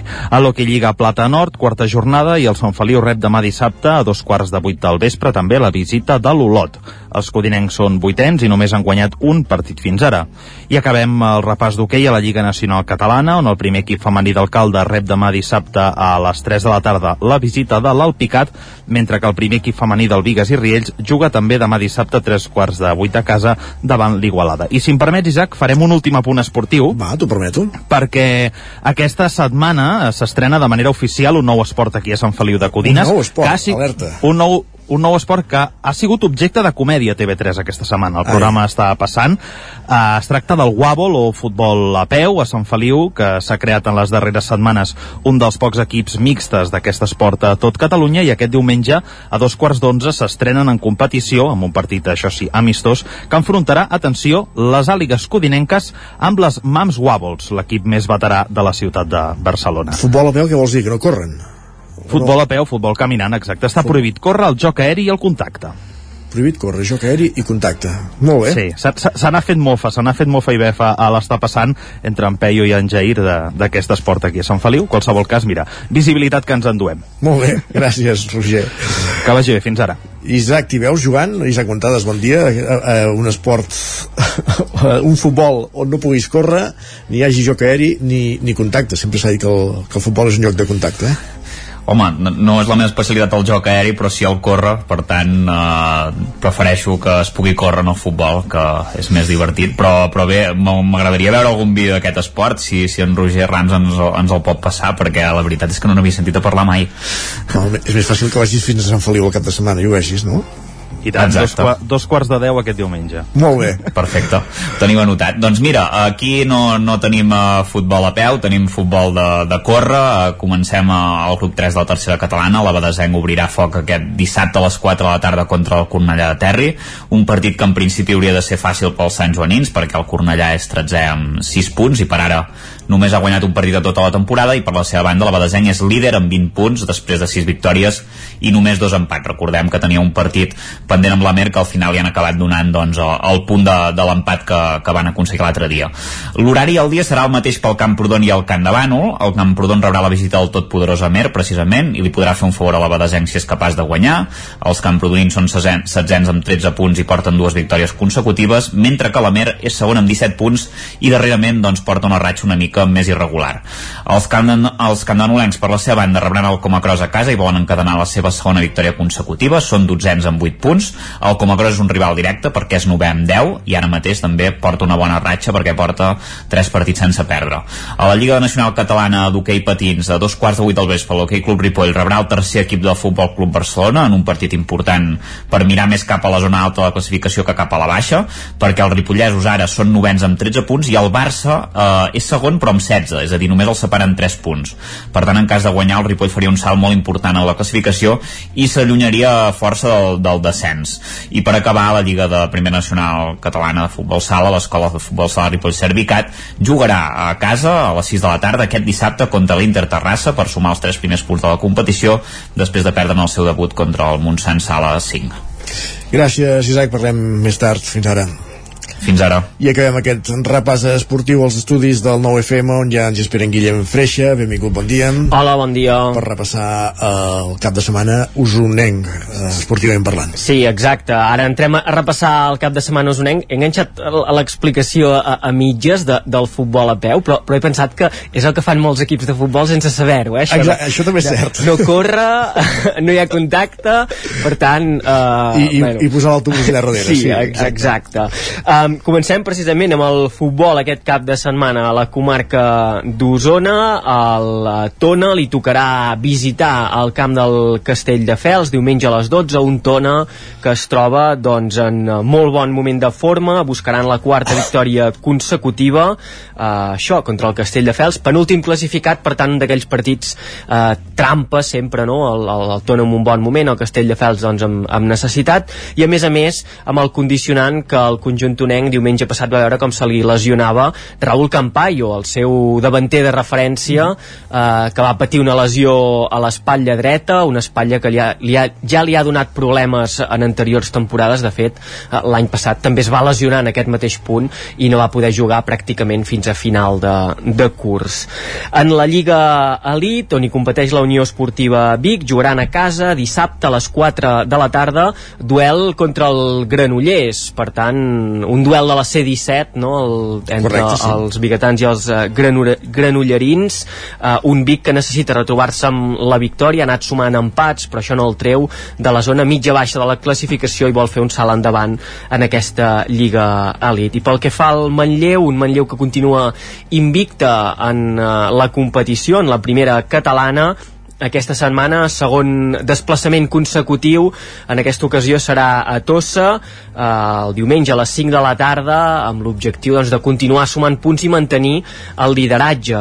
El eh, Manlleu que encapçala aquesta primera catalana va encadenar 6 victòries consecutives i ara eh, ha sumat dos empats, com dèiem, eh, encara no ha perdut el conjunt de Manel eh, Sala. Encara en futbol, amb la tercera federació, però femenina, el Vic Riu primer també vol consolidar el seu bon moment de forma, la seva bona dinàmica que li ha permès aixecar el vol en les últimes setmanes. Serà aquest dissabte a les 5 de la tarda al camp de l'estàdium Casablanca, el conjunt aragonès, les de Cristian Donaire, que com dèiem, eh, després d'un inici dubitatiu sí que han tornat a trobar la, la tecla de, del bon joc, dels gols, sobretot, i han anat sumant victòries en les últimes setmanes obrim una carpeta sempre important a la comarca d'Osona com és la d'hoquei patins i ho fem amb el eh, Voltregà Momento Estern un Voltregà que també ha anat trobant una solidesa a la pista. Entre setmana doncs empataven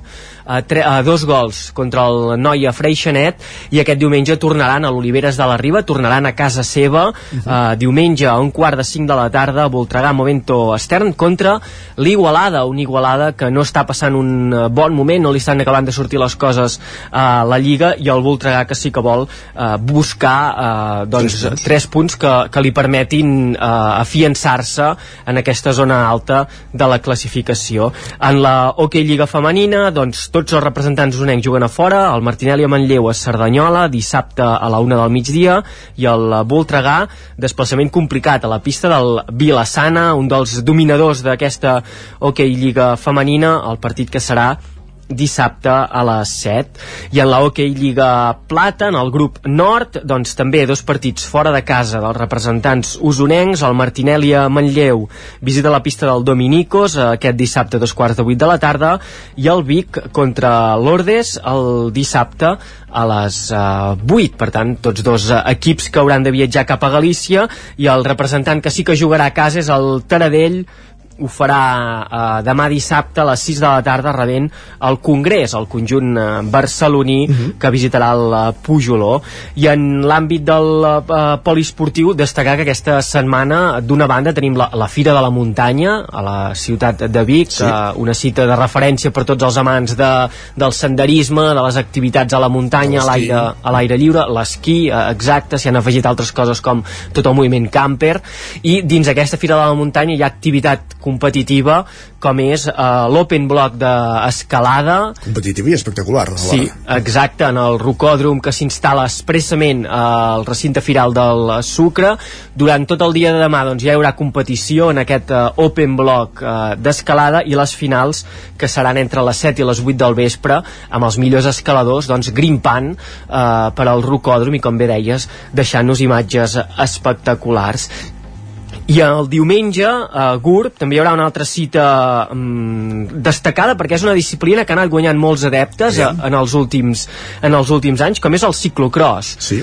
aquesta modalitat del ciclisme amb bicicletes eh, doncs amb una geometria o amb un format similar al de carretera però amb rodes que permeten anar per, per tot terreny pràcticament doncs hi haurà aquest ciclocross de GURB, segon memorial Lluís Vila i Codina això serà a partir de dos quarts de deu del, de matí a la Ronda de l'Agricultura de Gurb. I com dèiem podem veure aquestes imatges sempre espectaculars de ciclistes doncs, anant per camins veurem si enfangats o polsegosos no sé com, com estarà el, enfangats no era diria en el que no sigui que la humitat sí, la humitat ho acabi de, de humitejar una, una mica i com baixen de la bicicleta per pujar doncs pujades molt grans, fan baixades espectaculars sempre important aquesta disciplina.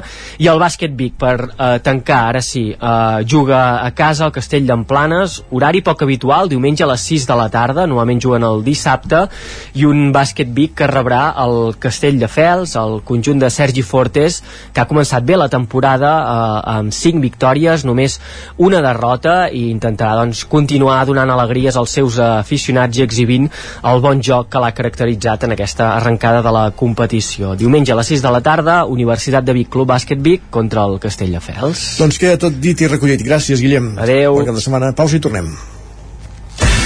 El nou FM, la ràdio de casa, al 92.8. La qualitat de les teves impressions és important per tu? Estàs cansat que els colors i les imatges no surtin com t'esperes? A Impremta Mater disposem de la tecnologia més avançada i els millors professionals per aconseguir impressions d'alta qualitat. Fem tota classe d'impresos amb acabats professionals. Llibres, catàlegs, revistes, tesis, calendaris, enquadernacions... I a més, disposem del servei d'impressió digital en gran format. Roll-ups, lones, pòsters i molt més. Impremta Mater. Ens trobaràs a la carretera de Sant Hipòlit 23 de Vic o impremtamater.com. Ho han dit avui, el 9FM? Ai, no ho he pas sentit. Tot té solució. Recupera programes, seccions i entrevistes del 9FM al 9FM.cat. Des de ben petit tindre un somni que és obrir un restaurant. Han sortit moltíssims llibres. Et demanen dades que, per altra banda, l'administració ja hauria de tenir. I ja no com a ramadera, sinó com a ciutadans. Nosaltres intentem que tothom pugui marxar amb un croissant. I trobaràs també tots els nostres podcasts. L'infopodcast del 9-9, cada matí a partir de dos quarts de vuit. I comencem parlant d'un tema punyent. Persones que passen per moments de gran dolor. L'infopodcast del 9-9. La lupa d'Agustí Danés cada divendres. La lupa, Agustí Danés. Els aniversaris. Cada vegada vivim més anys i cada vegada hi ha menys naixements. La combinació d'aquestes dues evidències distorsiona la piràmide d'edat. Paraula d'enfruns, el nostre podcast de llengua cada dimecres. quan escoltem ho fem voluntàriament i en canvi sentir, podem sentir moltes coses encara que nosaltres no ho vulguem. Bruixes del dia, el podcast de dones i bruixes de Laura Centelles i Maria Saladic. Estàs escoltant Bruixes del dia. La meva relació amb la mort és totalment diferent, perquè jo morts, diguéssim, físiques d'un cos, n'he vist crec que una a la meva vida. Feeling de 5, l'actualitat de casa nostra en anglès. Hello and welcome to Filling the Sink, a podcast from Catalan News. My name is Lucía I també tots els relats finalistes del concurs de narrativa curta del 9-9. He despertat a mig de la foscor. Tinc la boca seca i els ulls en El 9FM.cat, la ràdio en línia i els podcasts del 9FM. Anuncia't al 9FM. La màquina de casa. 9 3 8 8 9 4 9 4 9. Publicitat arroba al 9FM.cat. Anuncia't al 9FM. La publicitat més eficaç. El 9FM, el 9FM, el 9FM. En punt ara mateix, dos quarts d'onze al territori 17.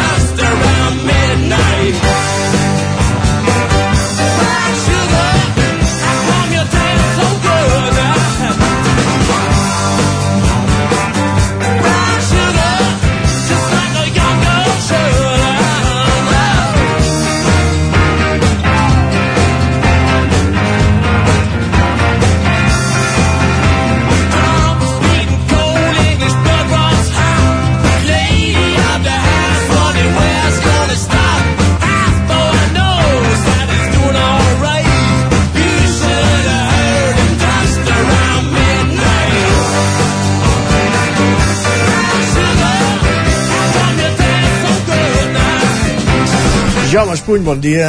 Molt bon dia. Avui ens portes un grup eh, molt reconeixible, eh? Sí, és, és dels famosos, diríem. Dels famosos, exacte. Els Rolling Stones. Ho, ho he aprofitat una mica perquè acaben de treure un disc eh, mm -hmm. amb cançons noves, una cosa que feia... Em sembla que és des del 2005 que no treien un disc amb cançons noves. Uh... I com que l'acaben de treure encara no és prou, prou clàssic i avui ens escoltem un altre de, que, que seria exacte, exacte, sí. Eh, a més a més el disc que tens ara té molt bones, disc, eh, molt bones crítiques el que porto avui és eh, Sticky Fingers que potser eh, per molta gent és el millor disc dels Imagina't. doncs, ja, ara diran nosaltres eh? però és de l'any 1971 eh, per tant hi ha una diferència molt grossa entre l'últim que han tret i aquest. I, i aquest perquè aquí en Mick Jagger i en Kate Richard els dos líders dels Rolling Stones tenien 26 anys eh, en el disc que han tret ara eh, en Mick Jagger en té 80 anys és que jo 80 anys parlant de rock és que, però bueno, però passa això si no I es aguanten moren un concert de en l'escenari. i el Ken Richard eh, fa el mes que ve fa 80 anys també. I continuen. Eh, estem escoltant eh, Brown Sugar que va tenir molt èxit és, doncs, i ara escoltarem un que es diu, una cançó que es diu Bitch que vol dir gossa o, o puta una de les dues coses. Bon, sembla...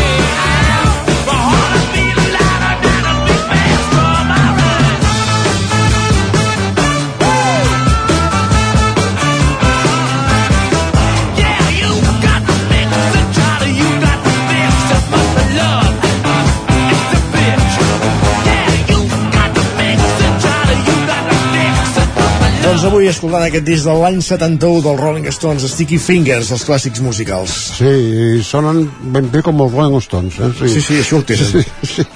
Uh, aquells moments, l'any 71, estaven de canvis els Rolling Stones, perquè la formació que va sortir l'any 64-65, més o menys, 64, Mhm. eh, es havia mantingut sempre igual, però eh, l'any 69 va morir Brian Jones, Carai. que és un, va morir ofegat a, a la piscina de casa seva, eh, que és un dels, del club dels, any, dels Dels 27, 27, sí, que, que, que van morir joves, Jimi Hendrix, Jenny Joplin, Kurt Brian. Jones, eh, i van fitxar, eh, esclar, un, un nou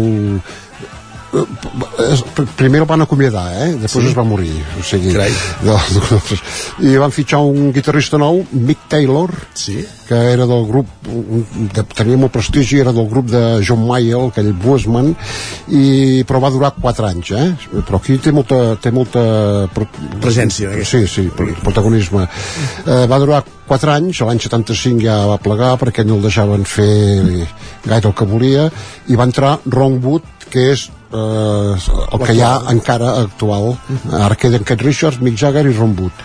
Eh, i bueno, el que això deia que és un disc total dels Rolling Stones i amb, a més a més amb arranjaments orquestrals que hi queden molt bé i amb alguns convidats de, de renom entre ells Billy Preston que en aquells moments l'anomenaven el, el cinquè Beatle Sí. perquè havia participat eh, al disc Let It Be.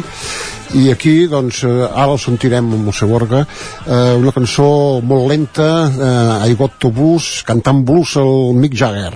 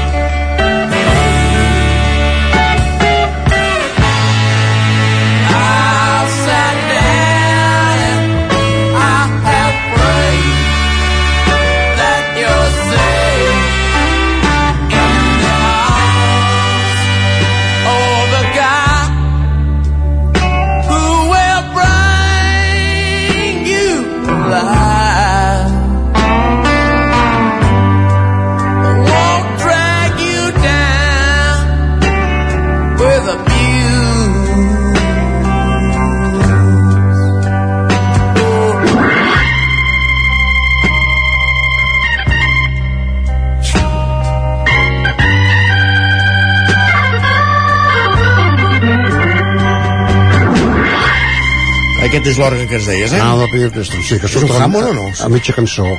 Vés a saber. D'acord. Sí. Uh, I el disc és, una de, és molt famós per una, cosa, una qüestió, per la censura. Mm, també. Uh, L'any 71 i encara, encara estaven censurant. Uh, primer, la portada... Això a Espanya, entenc? Sí, a Espanya, esclar. Primer la portada, que s'hi veia si, si veia uns pantalons texans sí. el, però a la banda de, De davant. de, de baix, de davant eh, amb una cremallera que la podies baixar ah. si la baix, i la, sí, sí, era una cremallera de veritat vull dir, la baixaves després no sortia pots, podies tenir imaginació no? però no sortia res eh? Entesos. però no els hi va agradar això i per tant van canviar aquí a Espanya van canviar la portada i van posar una llauna plena de sang sigui, sexe, no, com sempre, eh, violència o coses fastigoses, com vulguis, plena de sang que sortien uns dits. Carai. És que el disc Sticky Fingers vol dir dits enganxosos, no? Mare és una llana oberta eh, amb els. Eh, Però és que ara quan dius de la censura, eh, clar, aquí estem en ple franquisme, però sí. hi, ha, hi ha un disc dels Black Crowes, la Mòrica, dels anys 90 i pocs, que també sí, hi, sí, hi, sí. hi van maquillar alguns pèls Ah, ah, de, de pubis sí. Ah, exacte. I, i, i després eh, hi van, es van carregar una cançó, mm, una que es diu Sister Morphine, germana morfina, sí. que eh, no els hi va agradar la cançó i van posar la van treure i van posar una altra que és Let It Roll en directe, una cosa vella i com que no ocupava tot després van posar com a cançó una broma del Rolling punts suspensius i no, estaves allà 30 segons sense sentir res. Mare unes xapusses de, de cordons. Uh, Spain, Spain. Uh, ara el CD porta la cançó i porta uh, Només la portada original no? uh, i podem sentir aquesta cançó censurada Sister Morphine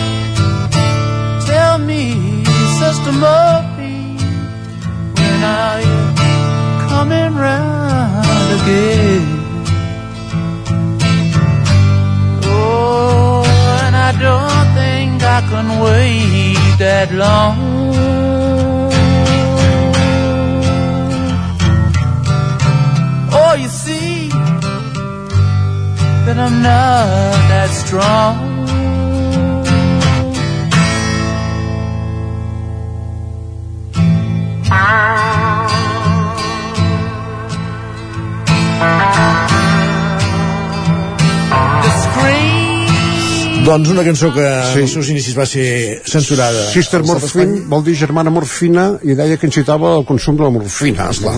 Si estàs malalt ja va bé, no? Ja està. I podem sentir per acomiadar-nos sí. una que a mi em fa molt- m'agrada molt, que és Beach Country, que es diu Dead Flowers. Doncs amb aquesta cançó del Rolling Stones acabem avui aquesta secció dedicada als clàssics musicals. Jaume, ens retrobem divendres vinent. Divendres vinent. Gràcies. in your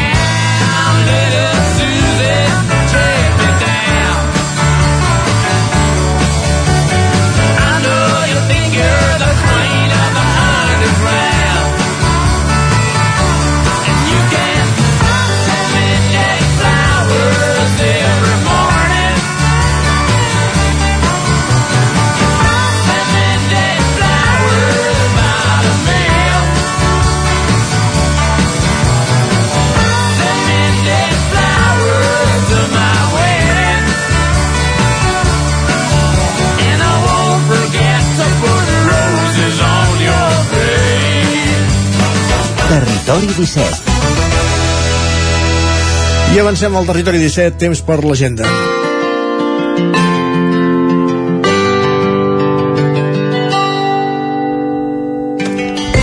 Moment de repassar els actes del cap de setmana en roda per les emissores del Territori 17. Comencem des de Ràdio Televisió Cardedeu. Enric Rubio, benvingut de nou. Doncs comencem amb l'agenda cultural. I què tenim aquest divendres? Doncs avui i durant tot el cap de setmana al Cinema Esbarjo de Cardedeu podreu veure i projectada la pel·lícula La contadora de pel·lícules. Dissabte, alerta perquè hem d'avisar d'un canvi d'última hora i és que el vermut literari del Tarambana on venia la Txell Freixes es passa el diumenge 26. El que sí que tindrem i que no s'ha mogut de data és a les 8 del vespre al Teatre Auditori a Cardedeu l'estrena de Camina Quiet amb l'Àlex Letosa i l'Òscar Igual. I de cara a diumenge, a dos quarts d'onze i al Museu Arxiu Tomàs Balvell com a punt de sortida, tenim l'itinerari guiat Cementiri Municipal del Modernisme al Noucentisme. I per acabar la jornada, ara sí, a les 6 de la tarda, al Teatre Auditori de Cardedeu, l'obra Crash, tothom pot caure. Moltes gràcies i que passeu un bon cap de setmana, Isaac. A reveure, fins Bon dilluns. Ens Fins veiem per la dilluns. Fira de la Muntanya de Vic. Ah, doncs si ets aquí, potser ens hi trobem. Gràcies, Enric. Bon cap de setmana, ara sí. Roger Rams, benvingut de nou, bona continenca. Repassem també l'agenda per les teves contrades. Vinga, va, fem una mica de repàs pel cap de setmana. Comencem aquí, com sempre, a Sant Feliu de Codines, on aquest divendres a les 7 de la tarda s'hi presenta el llibre Història d'un Gaudí ocult, al Centre Cívic La Fonteta, un llibre que relata la història d'una peça única que Gaudí va fer per Sant Feliu sens dubte, força interessant. Sí, sí. Dissabte a les 9 del vespre la companyia local de teatre de Xalles 81 estrenarà l'obra El tràmit de Fernando Trias de Bes, al Casal Cultural Codinenc. D'altra banda, ja diumenge hi tindrà lloc la segona edició, ho apuntàvem abans, del Festival Codines Dansa, una, una mostra de balls tradicionals dels països catalans, al Centre Cívic La Fonteta, a partir de les 6 de la tarda. Si anem cap a Caldes de Montbui, destaquem que aquest dissabte s'hi fa una nova edició de la ruta teatralitzada Camins de Bruixes, que reviuen la història de les bruixes al poble a través de teatre als seus carrers. D'altra banda, també tindrà lloc la festa dels 90 anys, dedicada a totes les persones de Caldes que compleixen aquesta data enguany, i encara dissabte la comunitat equatoriana de Caldes de Montbui organitza les festes de la Virgen del Quinche, amb música, focs artificials, dinars de germanor i danses típiques d'aquest país del sud d'Amèrica. I finalment, diumenge, es posa punt i final a la temporada castellera amb la diada de la colla dels escaldats de Caldes a la plaça de la Font del Lleó. A Vigues i Riells del Fai destaquem que aquest dissabte un any més torna una nova edició del Correllengua i acabem com sempre al Moianès on d'una banda demà dissabte s'hi fa a Castellcí la pedalada BKC que anirà des d'aquest punt del Moianès i fins al castell de Cardona, mentre que a l'Estany durant tota la jornada de dissabte s'hi farà una nova edició del festival Bimúsic que combina tastos de vins, tapes i actuacions musicals diverses. Gràcies, Roger, també molt bon cap de setmana. Moltes gràcies, bon cap de setmana, fins dilluns. Isaac Montades, la veu de Sant Joan. Repassem també l'agenda d'actes al Ripollès. Perfecte, mira, avui mateix a Isaac, a Ripoll, a l'espai familiar de la Sal del Grells es fa la xerrada Mocs i altres històries, acompanyada també eh, amb olis essencials, que anirà a càrrec de la mestra i assessora en baromateràpia Eva Martínez, això és a partir de les 6 de la tarda, una bona xerrada en aquest temps que, que solen començar també eh, els refredats.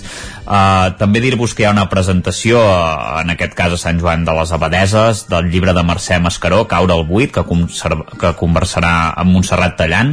Això serà avui mateix a les 6 de la tarda a la Biblioteca Josep Picola per tant doncs, eh, tenim literatura aquí a Sant Joan de les Abadeses i també hem de dir-vos que la literatura continua a Ripoll aquest dissabte en motiu del 20 aniversari de la mort de l'autor i poeta de, de Roda de Terra. Ja sabeu de qui parlo evidentment, de Miquel Martí i Pol i la Biblioteca Lambert Mat acollirà una xerrada a càrrec del filòleg Jordi Berenguer i Carautor que du per títol La solitud i la llibertat en l'obra de Miquel Martí Pol això serà a les 12 del migdia també aquest cap de setmana, aquest diumenge eh, i dissabte se celebra el Dia del Soci i les diades de germanor del grup excursionista Can de Bànol.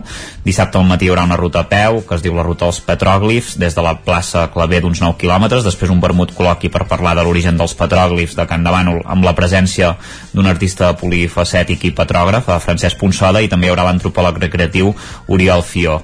A la tarda al Centre Cívic es projectarà el documental de Green Big Week amb la presència del seu autor, Pons Feliu, i també es donaran els premis de la marxa de regularitat infantil. Diumenge la tradicional sortida cap a Corones a peu o amb BTT a les 8 del matí eh, se sortirà eh, des de Pernau i hi haurà l'esmorzar a Corones eh, a les 9 de, del matí. I per acabar dir-vos que també festa major a Vilallonga de Ter eh, aquesta setmana, aquest mateix divendres a la, a la tarda comencen els actes amb un, amb un concert gratuït del grup Vora fora Ter, a la sala cooperativa, en què també dissabte doncs, es farà doncs, eh, un pregó, una cercavila, hi haurà també un ball matinal, eh, després sardanes, una mica de tot, eh? ball amb la, amb la Monte Carlo, i això es completarà una mica diumenge amb, amb l'ofici de, de la missa solemne, una nova cercavila i també hi haurà eh, sardanes i un espectacle de foc i llum a la pista coberta. Per tant, eh, doncs, eh, festa major a Vilallonga per acabar i ja veieu que també tenim algunes activitats aquí eh, al Ripollès per anar, per anar fent boca. Per anar escalfant l'ambient, per anar Exacte, passant aquest estiu. de cara a Nadal. Exacte. Sí. Gràcies, Isaac. Bon cap de setmana. A vosaltres. I acabem Igualment. aquest recorregut eh, repassant l'agenda d'Osona des dels estudis del 9FM en companyia de Miquel R. Benvinguts, Miquel. Molt bones. Benvingut de nou, perquè ja ens hem... Correcte. Hem saludat abans la tertúlia. A nivell d'agenda, la Fira de la Muntanya entenem que és un dels principals eh, eh, un dels principals atractius del cap de setmana. Doncs sí, un atractiu d'aquests que, que això, que, que, que ha aconseguit una mica aplegar, no?, a sumar tot el que és el món de l'esport, la natura, la cultura muntanyenca, no?, aquesta comarca, eh, i té, sembla que hi té una, una devoció per tot aquest món. Estem parlant ja la de la 42a Fira de la Muntanya, és una fira que sí que és veritat que ha viscut els seus alts i baixos, fins i tot alguns canvis de nomenclatura, però han trobat un format ara que això, que plega aquestes diferents sinergies pel fet d'haver incorporat ja fa 10 o 12 anys, per exemple, la Fira del Llibre de Muntanya, que porta un determinat públic, i tots són públics, diguéssim, que es van retroalimentant. També hi ha doncs, tot el que és en xerrades no? i conferències, amb, amb noms com l'alpinista Jordi Toses o també el Martí Boada, David Vilaseca eh, per tant han aconseguit eh, això, eh, sumar diferents sensibilitats relacionades amb la muntanya i per tant eh, des de purament anar-te a comprar un anorac per estrenar l'hivern eh, al mercat d'ocasió, eh, un dels pulmons de la fira, fins a intentar pujar la xamaneia escalant eh, o participar en de, en els debats i les tertúlies que, que hi ha convocades. El, la fira comença ja aquest mateix divendres a la tarda, tot divendres a la tarda, i llavors s'allarga dissabte i diumenge amb sessions de, de matí i tarda. Aquest any hi ha un petit canvi d'entrada pel públic en general, però s'entrarà pel, pel Parc de l'Horta Nova, una mica pel, pel costat, per mà dreta del que seria l'entrada principal perquè precisament es reserva tota aquell, aquella zona com d'aparcament que hi ha d'entrada, tota aquella, la, la part frontal del recinte final serveix per, per ampliar el, el que des de l'any passat se'n diu Festival d'Escalada, no? Una mica aquest, aquest campionat d'Open Block que ha anat creixent amb els anys, que, que se li dona, diguéssim, eh, se li dona més cos eh, amb activitats eh, fins a la nit, serà l'únic espai que també funcionarà fins a les 12 de la nit perquè hi haurà concerts, hi, ha, hi haurà food trucks i per tant és eh, aconseguir que aquest microcosmos de la fira, que és el món de l'escalada, que també a més a més els hi aporta un públic molt jove, doncs es puguin concentrar en aquest espai. Fira de la Muntanya Vic. Molt Hi ha més coses per això. Aquests dies, eh, aquest dissabte concretament, ho sabem tots, Sant Martí, l'estiuet de Sant Martí, que a més a més sembla que coincidirà efectivament amb, una, amb un principi Amb de de bon bonança, eh, temps, amb una sí. finestra de bon temps. Què tenim, doncs? Una, me, una finestra més. De, Sí, de sí, bonança, per, de fet aquests dies eh, tot ens ha sorprès el fred i tot, eh? ens queixem de que una mica de fred, però en teoria és el que estàvem esperant. El que ens cal és pluja. El que, els que suposo que no voldrien pluja, però de fet tant els hi serà, perquè eh, l'arrencada de la festa major de Gurb, eh, una de la, Sí. en aquest cas no està vinculada amb Sant Martí sinó amb Sant Andreu, per tant és una festa major que arrenca ara i s'allarga fins, al, eh, fins a més enllà del 30 de novembre i tot, que és Sant Andreu però eh, eh, arrenca aquest dissabte amb un doble concert de tiets que se n'han fet un fart de voltar No per les nostres... evitar. No ho poden evitar, No dius. ho poden evitar, aquí estan. No digues, doncs, digues els que vulguin això, eh? Vull dir, diguéssim, que el primer cap de setmana és el cap de setmana jove, amb aquest concert jove que tindrà lloc dissabte a partir de les 11 de la nit al pavelló municipal de Gurb eh, amb Dan Peralbo com a taloner, per dir-ho així. Eh, no, no ha correcte eh, però amb Dan Peralbo de, arrencant el concert i llavors amb de tiets com a plat fort eh, portant un públic també ja ho sabem molt transversal. Molt bé. Uh, també està de festa major aquests dies el nucli de Sant Fores la Guixa, el poble de Sant Fores la Guixa aquest divendres ja hi ha el pregó de la mestra i actriu Margarida Tió, que és filla precisament d'una casa de pagès de, de, de la Guixa. Això és aquest divendres al vespre després hi ha sopar popular i música per ballar. I de dissabte poder destacaríem eh, la xerrada que farà Irene Abril, que és doctora en, en, en Història de l'Art, que parlarà sobre l'ermita de Sant Martí de Sant Fores, un actiu que precisament eh, està molt abandonat i s'hauria d'obrir un debat a fons sobre què passarà amb, aquest, amb aquest actiu patrimonial. Molt bé.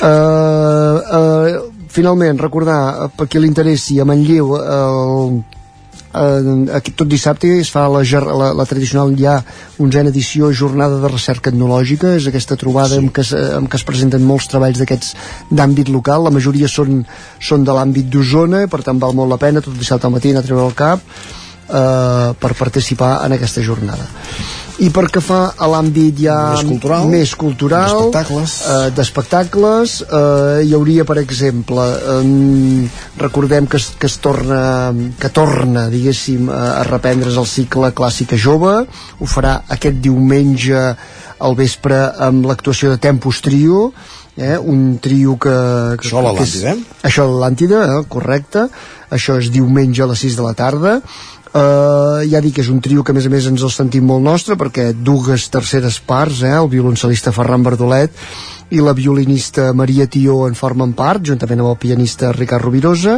Això serà eh, el diumenge a la tarda. Interpretaran obres de Mozart, de Beethoven i de Marc Migo i també aquest cap de setmana, un cap de setmana molt literari, amb dues coincidències, d'una vegada el Flick Festival, eh? ja fa uns anys que Vic també és seu d'aquest festival, eh? Sí. que, que, que projecta una mica la literatura en els més joves, i, per, i hi ha una programació eh, que es reparteix en diferents espais, hi haurà activitats al Casino de Vic, hi haurà activitats també a la Universitat de Vic i al Museu Episcopal, per, per tant, tota una matinal eh, molt intensa matinal i part de la tarda molt intenses sobre, sobre això, parlar, per abordar temes de literatura infantil i recordar que Roda també està celebrant aquest any les, les jornades Miquel Martí Pol, aquest any coincidint amb la vintena edició amb, la, amb la vintena aniversari de la mort del poeta sí. aquest cap de setmana hi ha alguns dels actes principals per tant traieu cap a l'agenda hi ha Roda, ha Epicentre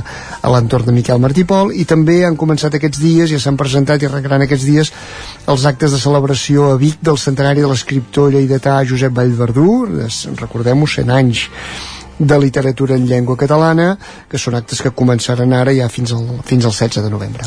Gràcies, Miquel, i no podem oblidar també aquest festival solidari agosaradament, eh, organitzat entre el 9-9 i Osonament, amb la recaptació solidària per a un projecte d'Osonament que es farà dissabte al vespre a partir de les 8 a l'Atlàntida amb aquesta comunió de músics usonencs i usuaris d'Osonament que pujaran a l'escenari. Un, un espectacle, a més de tot, que comptarà també amb la presència del president de la Generalitat, Pere Aragonès, i de la presidenta del Parlament, Anna R. Són actes de l'agenda del cap de setmana també a la comarca d'Osona. Hem repassat el de les nostres comarques. Gràcies, Miquel. Ara sí. Molt bon cap de setmana. Bon cap de setmana. I nosaltres que anem per acabar el territori 17, en Miquel ens parlava d'aquesta festa major de GURB, aquesta festa major d'hivern, amb la presència, per exemple, dèiem de dels autors del Coti per Coti i, i però també de Dan Peral dels Tiets, però també de, del torionenc Dan Peralbo i el Comboi i el Comboi que tenen cançons com aquesta que ens permet arribar al final del programa. Angelina Jolie.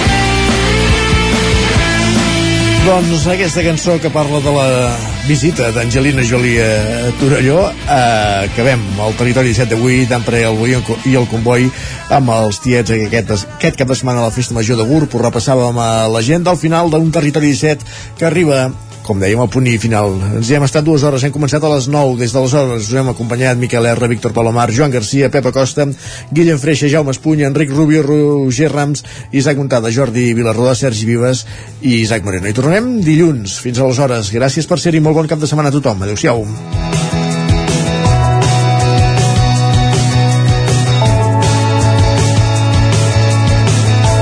Territori 17, un magazín del nou FM, Ona Codinenca, Ràdio Cardedeu, Ràdio Vic i La Veu de Sant Joan, amb el suport de la xarxa.